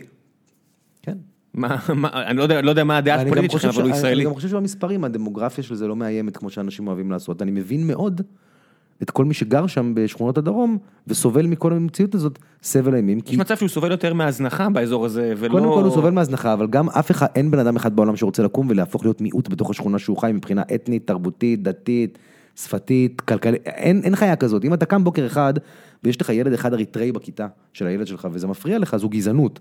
אבל אם אתה קם יום אחד ויש 39 ילדים אה, אריתראים. זרים ואתה, זה, אז זה מפריע לך, זה כל הורה זה היה מפריע לו, כי מה המשמעויות של זה אפילו האמת, כן. מה, אז אתה יודע, אז בסוף באים אה, אה, חברי כנסת מימין לדרום העיר וצועקים, הזרים הם סרטן, ובאים חברי כנסת משמאל וצועקים תושבי הדרום גזענים, וכולם עושים סיבובים פוליטיים יפים מאוד על האזור הזה, אבל אף אחד לא מטפל בו חוץ מהעירייה, ואני חושב שגם בעירייה צריך להיות אדם שמגיע בבוקר לעבודה, שכל תפקידו, ואין את זה היום, זה להסתכל על המציאות הזו ולראות מה עושים איתה. לפתור בעיות. לא, לחשוב, לא רק לפתור בעיות, לייצר תוכנית אסטרטגית. זה לפתור להבין- בעיות? לא, לפתור בעיות זה, זה אתה אומר טקטי, בסדר, אתה אומר, טקטי. לפתור בעיות עמוקות. לייצר גם תוכנית עבודה, להבין מה החזון, להבין לאן זה הולך. אז זה דבר אחד, אבל הסיבה שאמרתי לך קודם, שיש לי את כל חוגי הבית האלה בדרום העיר, שאני כבר עשר שנים מתעסק בדרום העיר, מהמקומות הכי כואבים, אנחנו משפרים שם את מערכת החינוך כמו שהיא לא השתפרה אף פעם, אנחנו הארכנו את יום הלימודים בדרום תל אביב ויפו עד השעה 4 במקום השעה 1, כדי שיהיה שם עוד חשבון ועוד אנגלית ועוד מדעים ועוד אומנויות. אני מסמן לך כי אין לנו עוד המון זמן, אני רוצה להגיע לעוד שאלות. אה, טל שץ אה, שואל, למה לא לאחד כוחות עם מועמדים אחרים? הוא הוא ציין ספציפית את אסף הראל, אבל יש מועמדים אחרים שכבר רצים בעירייה ויש להם ניסיון ניהולי, ואתם נגד מישהו שהוא מדבר- פייבוריט גדול, אני משתדל לדבר עם כל מי שמתמודד. ואני לא פוסל זאת שום דבר. אומרת, דל- דלתך פתוחה. לא, לא, אני לא, לא, לא, היא לא רק פתוחה, אני לא מחכה שיפנו אליי, אני גם עושה אקטיבית צעדים כדי לנסות ולייצר אה, קבוצה גדולה ככל הניתן. יש אנשים, אתה יודע, צריך לומר שהפער האידיאולוגי, האידיאולוגי הוא כזה שמקשה לראות אה, תפיסת ניהול משותפת. ויש, אה, תראה, אני גם הייתי עשר שנים, ישבתי, עשיתי סטאז', עשר שנים נתתי במועצת העיר. באלף מאבקים ובאלף זה כדי להרגיש, להגיע לנקודה שבה אני מרגיש שאני מסוגל בכלל לנהל את העירייה. אז צריך גם... שאנשים- כבוד לתפקיד. לא, צריך שאנשים יבינו למה הם נכנסים, זה מעבר לפייסבוק וזה מעבר להצהרות כאלו ואחרות. צריך להבין את המטריה כדי לקחת חלק בשינוי שלה, וצריך להבין גם מה המקום שלך יכול להיות כדי לקחת חלק בשינוי שלו, ואני מדבר עם כולם. אנשים אומרים, לא צריך לדעת, draining the swamp, הם באים בחוץ. מה זאת אומרת? אני אומר, נשיא ארצות הברית נבחר בלי, עם אפס ניסיון, אתה יודע, הוא אומר, תראה מה קורה פה בעולם. אפס ניסיון אה, ניהול ציבורי. אה, אני לא- אני לא אומר שאני בעד, אני רק מציין עובדה. אני לא יודע אם זו הדוגמה שאנחנו רוצים אה, כולנו לא, אני רק אומר, עליה. זה, אתה יודע, בסופו של דבר דמוקרטיה זה מה ש... לא, אבל רוב- מחליט, אני יודע. רוב הנשיאים בארצות הברית היו סנטורים, והיו. קונגרסמן, והיו אנשים. שמגיל 20 ומשהו, והיה להם ניסיון. זה- זה- עזוב, זה להפך, רובם המוחלט לא זוכר מה זה להיות אדם רגיל. אגב, אני אומר לך עוד דבר, זה ה... נשיא ארצות הברית היום, זה, זה, זו תופעה שעוד ננתח אותה אחורה, אבל העובדה שהוא באמת, אין לו אפס ניהול ציבורי, אפס, כן?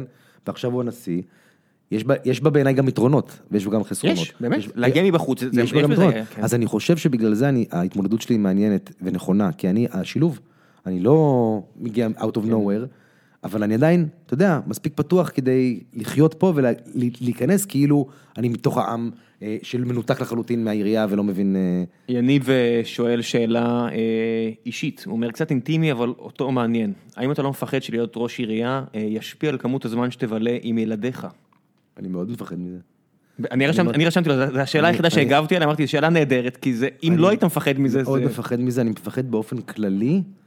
מישהו אמר לי, תגיד, אתה מפחד להפסיד? ואמרתי לו, אני מפחד לנצח. בצדק. כי להפסיד, אז איזו חוויה, וניסיתי, ואני באמת מאמין. לנצח זה פעם אחת to execute את הדברים שאתה מדבר עליהם, ופעם שנייה, אתה יודע, גם להיות סגן ראש העיר, אה, זה לשבת 24/7 אה, אה, אה, אם אתה ברחוב, או במסעדה, או על אופניים, או זה, ו-24/7 להיות מוקד פניות ציבור ולחצים ותלונות והכל. בראש העיר זה פי 200. זה פי 200, והמחויבויות שלך הן פי 200, והיכולת שלך לנהל גם חיים אה, אישיים מאוד נפגעת, ואני מאוד מאוד מאוד מפחד מזה. זוגתך. מודעת? היא גם מפחדת מזה. לא, זו החלטה שעשיתם ביחד? ודאי. אפשר לקבל החלטה כזו לבד. אני לא יודע, אני אני מכיר. כאלה ואז הם מאוד מצטערים על זה שהם עשו דבר כזה. אי אפשר לקבל החלטה כזו לבד, אנחנו צוות, והיא מדהימה, והיא מעורבת בזה, והיא אינטואיט, ואכפת לה, וכמובן שגם היא מפחדת מהדבר הזה. תקשיב, אם תגיד לה שאם תהיה ראש העירייה, תוכל לטפל בעניין טיפת החלב בשכונה. נכון. אה, אה, זה זה יהיה לך- יהיה לך אינטרס יותר גדול. גלעד אה, שואל, איזה בשורה יש לך לרוכבי האופניים יש לי בעיר? משהו להגיד לך על טיפת החלב. תגיד לי. הוא ביטוי של הריצה שלי. עשר שנים לא זזו טיפת החלב, כי היה ויכוח עם העירייה, עם משרד הבריאות, מי אחראי על טיפות החלב. תקשיב, זה פעם ראשונה- שנייה, שהעירייה אמרה, אני לא אחראית. ואם אני לא טועה, בית המשפט היה צריך להכריע, אבל מישהו הכריע אחרי עשר שנים שהעירייה אחראית. אז עכשיו מתחילים לטפל בזה, אבל יכולנו לפני עשר שנים להגיד, אוקיי, אנחנו נהיה אחראים, וזה היה מגיע לרמת שירות כמו דברים אחרים, והרמת שירות של טיפות חלב, היא זוועה. היא זוועה, זה פעם ראשונה שכתושב תל אביב אני אומר שאני מקבל שירות גרוע. גרוע. אוקיי. לא בינוני, אוקיי. לא לא טוב, לא גרוע. נכון, למה? אה, בתחבורה ציבורית אתה מקבל שירות טוב? אני הולך ברגל, אתה רואה אתה אותי בעיר. מקבל שירות טוב בתחבורה ציבורית? לא, אני, אני הולך ברגל, אז אני לא, אני אומר, ניסית. פעם? אה, בגלל, אני לא יודע, אני, אני, אני הולך ברגל, אני רק אומר שבחוויה האישית שלי, כן. זה פעם ראשונה, כן. תקשיב, תחבורה ציבורית עליתי פה על מספיק פעמים על אוטובוסים. אז אתה יודע שהיא גרועה. זה לא, זה לא ככה. בסדר. זה ש, שיש לך ילד ואתה לא יכול אפילו לעשות חיסונים ואף אחד לא עונה לך, ואתה כבר חודש על, על הטלפון, אומר, אוקיי, זה לא השירות שהתרגלתי מהעירייה הזו. אז צריך לטפל בזה, נכון. אבל בשביל זה אני אומר, העירייה צריכה להפסיק להגיד איפה אני לא ומי מישהו אחר, ולהגיד, אוקיי, בוא, זה חשוב לתושבים שלי, אני יודע לטפל בזה, אני אטפל בזה. אוקיי, בוא אה, נרוץ, כי אין לנו עוד הרבה זמן. אה, גיא שואל, למה לדעתך חולדאי מנצח כל כך הרבה שנים ברציפות? האם זה בזכות עצמו או בגלל איכות המתמודדים האחרים בעבר? קודם כל, כל, גם המועמדים בעבר היו איכותיים, השאלה היא לא שאלה של איכות, השאלה היא הרבה פעמים שאלה אירחנו את כולם, אתה יודע? הסתכלתי על זה. דב לא- חנין, היא לא שאלה ניצן. של איכות, היא הרבה כן. פעמים כן שאלה של ניסיון ויכולת אה, ביצוע. בסוף עיריית תל אביב יפו צריכה אה, מישהו שהוא גם עם חזון, שהוא גם לא מפחד להגיד ש- שנעשתה- ש- שנעשות טעויות, שהוא גם מוכן לעשות ניסויים, אה, אבל גם שהוא יוכל להוציא אותם לפועל, ואני לא חושב שהיו הרבה מועמדים שכשהסתכלת על ה-CV שלהם, הרגשת שההימור עליהם יוביל לביצוע טוב יותר. ואם יש דבר אחד שאפשר להגיד על ה-20 שנים האחרונות של העירייה, היא שהביצוע אה, הוא טוב, והדברים קורים, והם זזים. עומר שואל בהמשך לשאלה זאת הזאת, איזה. ציון היית נותן לעירייה? זה בדיוק על הביצוע, הוא אומר, כן. איזה ציון אתה נותן לעירייה היום מ-1 עד 10, ומה אתה חושב שאתה תוכל לעשות בקדנציה שלך אי. אפשר לתת לעירייה ציון מ-1 עד 10, יש תחו- אפשר לתת בכל תחום, יש תחומים שהיא. מקבלת 10, יש תחומים שהיא מקבלת 2, אני חושב שאני יכול להביא את ה-2 ל-10, ולהשאיר את ה-10 10, בסדר? היא לא, היא לא, היא לא אה, מספיק ממקום אמיתי קשובה לביקורת, היא לא מספיק פתוחה לתהליכי שיתוף אמיתיים של ציבור בתוך תהליכי העבודה שבהם. אה, היא פוחדת כבר בהרבה פעמים להעיז ולגלות אומץ בנושאים שהם חשובים בתל אביב, תרבות ואומנות ומה עולה ומה אוונגרדי ומה, ולברוח מהמיינסטרים, הרבה מאוד דברים מהסוג הזה. היא, היא לא טובה, ואין לה תוכנית קדימה שאני חושב שמתאימה לצרכים של העיר. אה, הייתה לה תוכנית, היא הסתיימה, הייתה מצוינת, היא בוצעה, החזון מומש, העבר מדהים, צריך להסתכל על. העתיד. אז אם, אם בהלאה יש פה שאלה, אה, האמת שאני הייתי תחת הרושם שהדבר הזה הוא ציבורי, אבל אולי לא, ואז תגיד לי, אה, ותכף, עוד שתי שאלות, שאל, שאלה זו ועוד אחת אולי, כי זו שאלה אה, שיהיה לך פחות, אה, נראה לי, כיף לענות עליה, או לא יודע מה.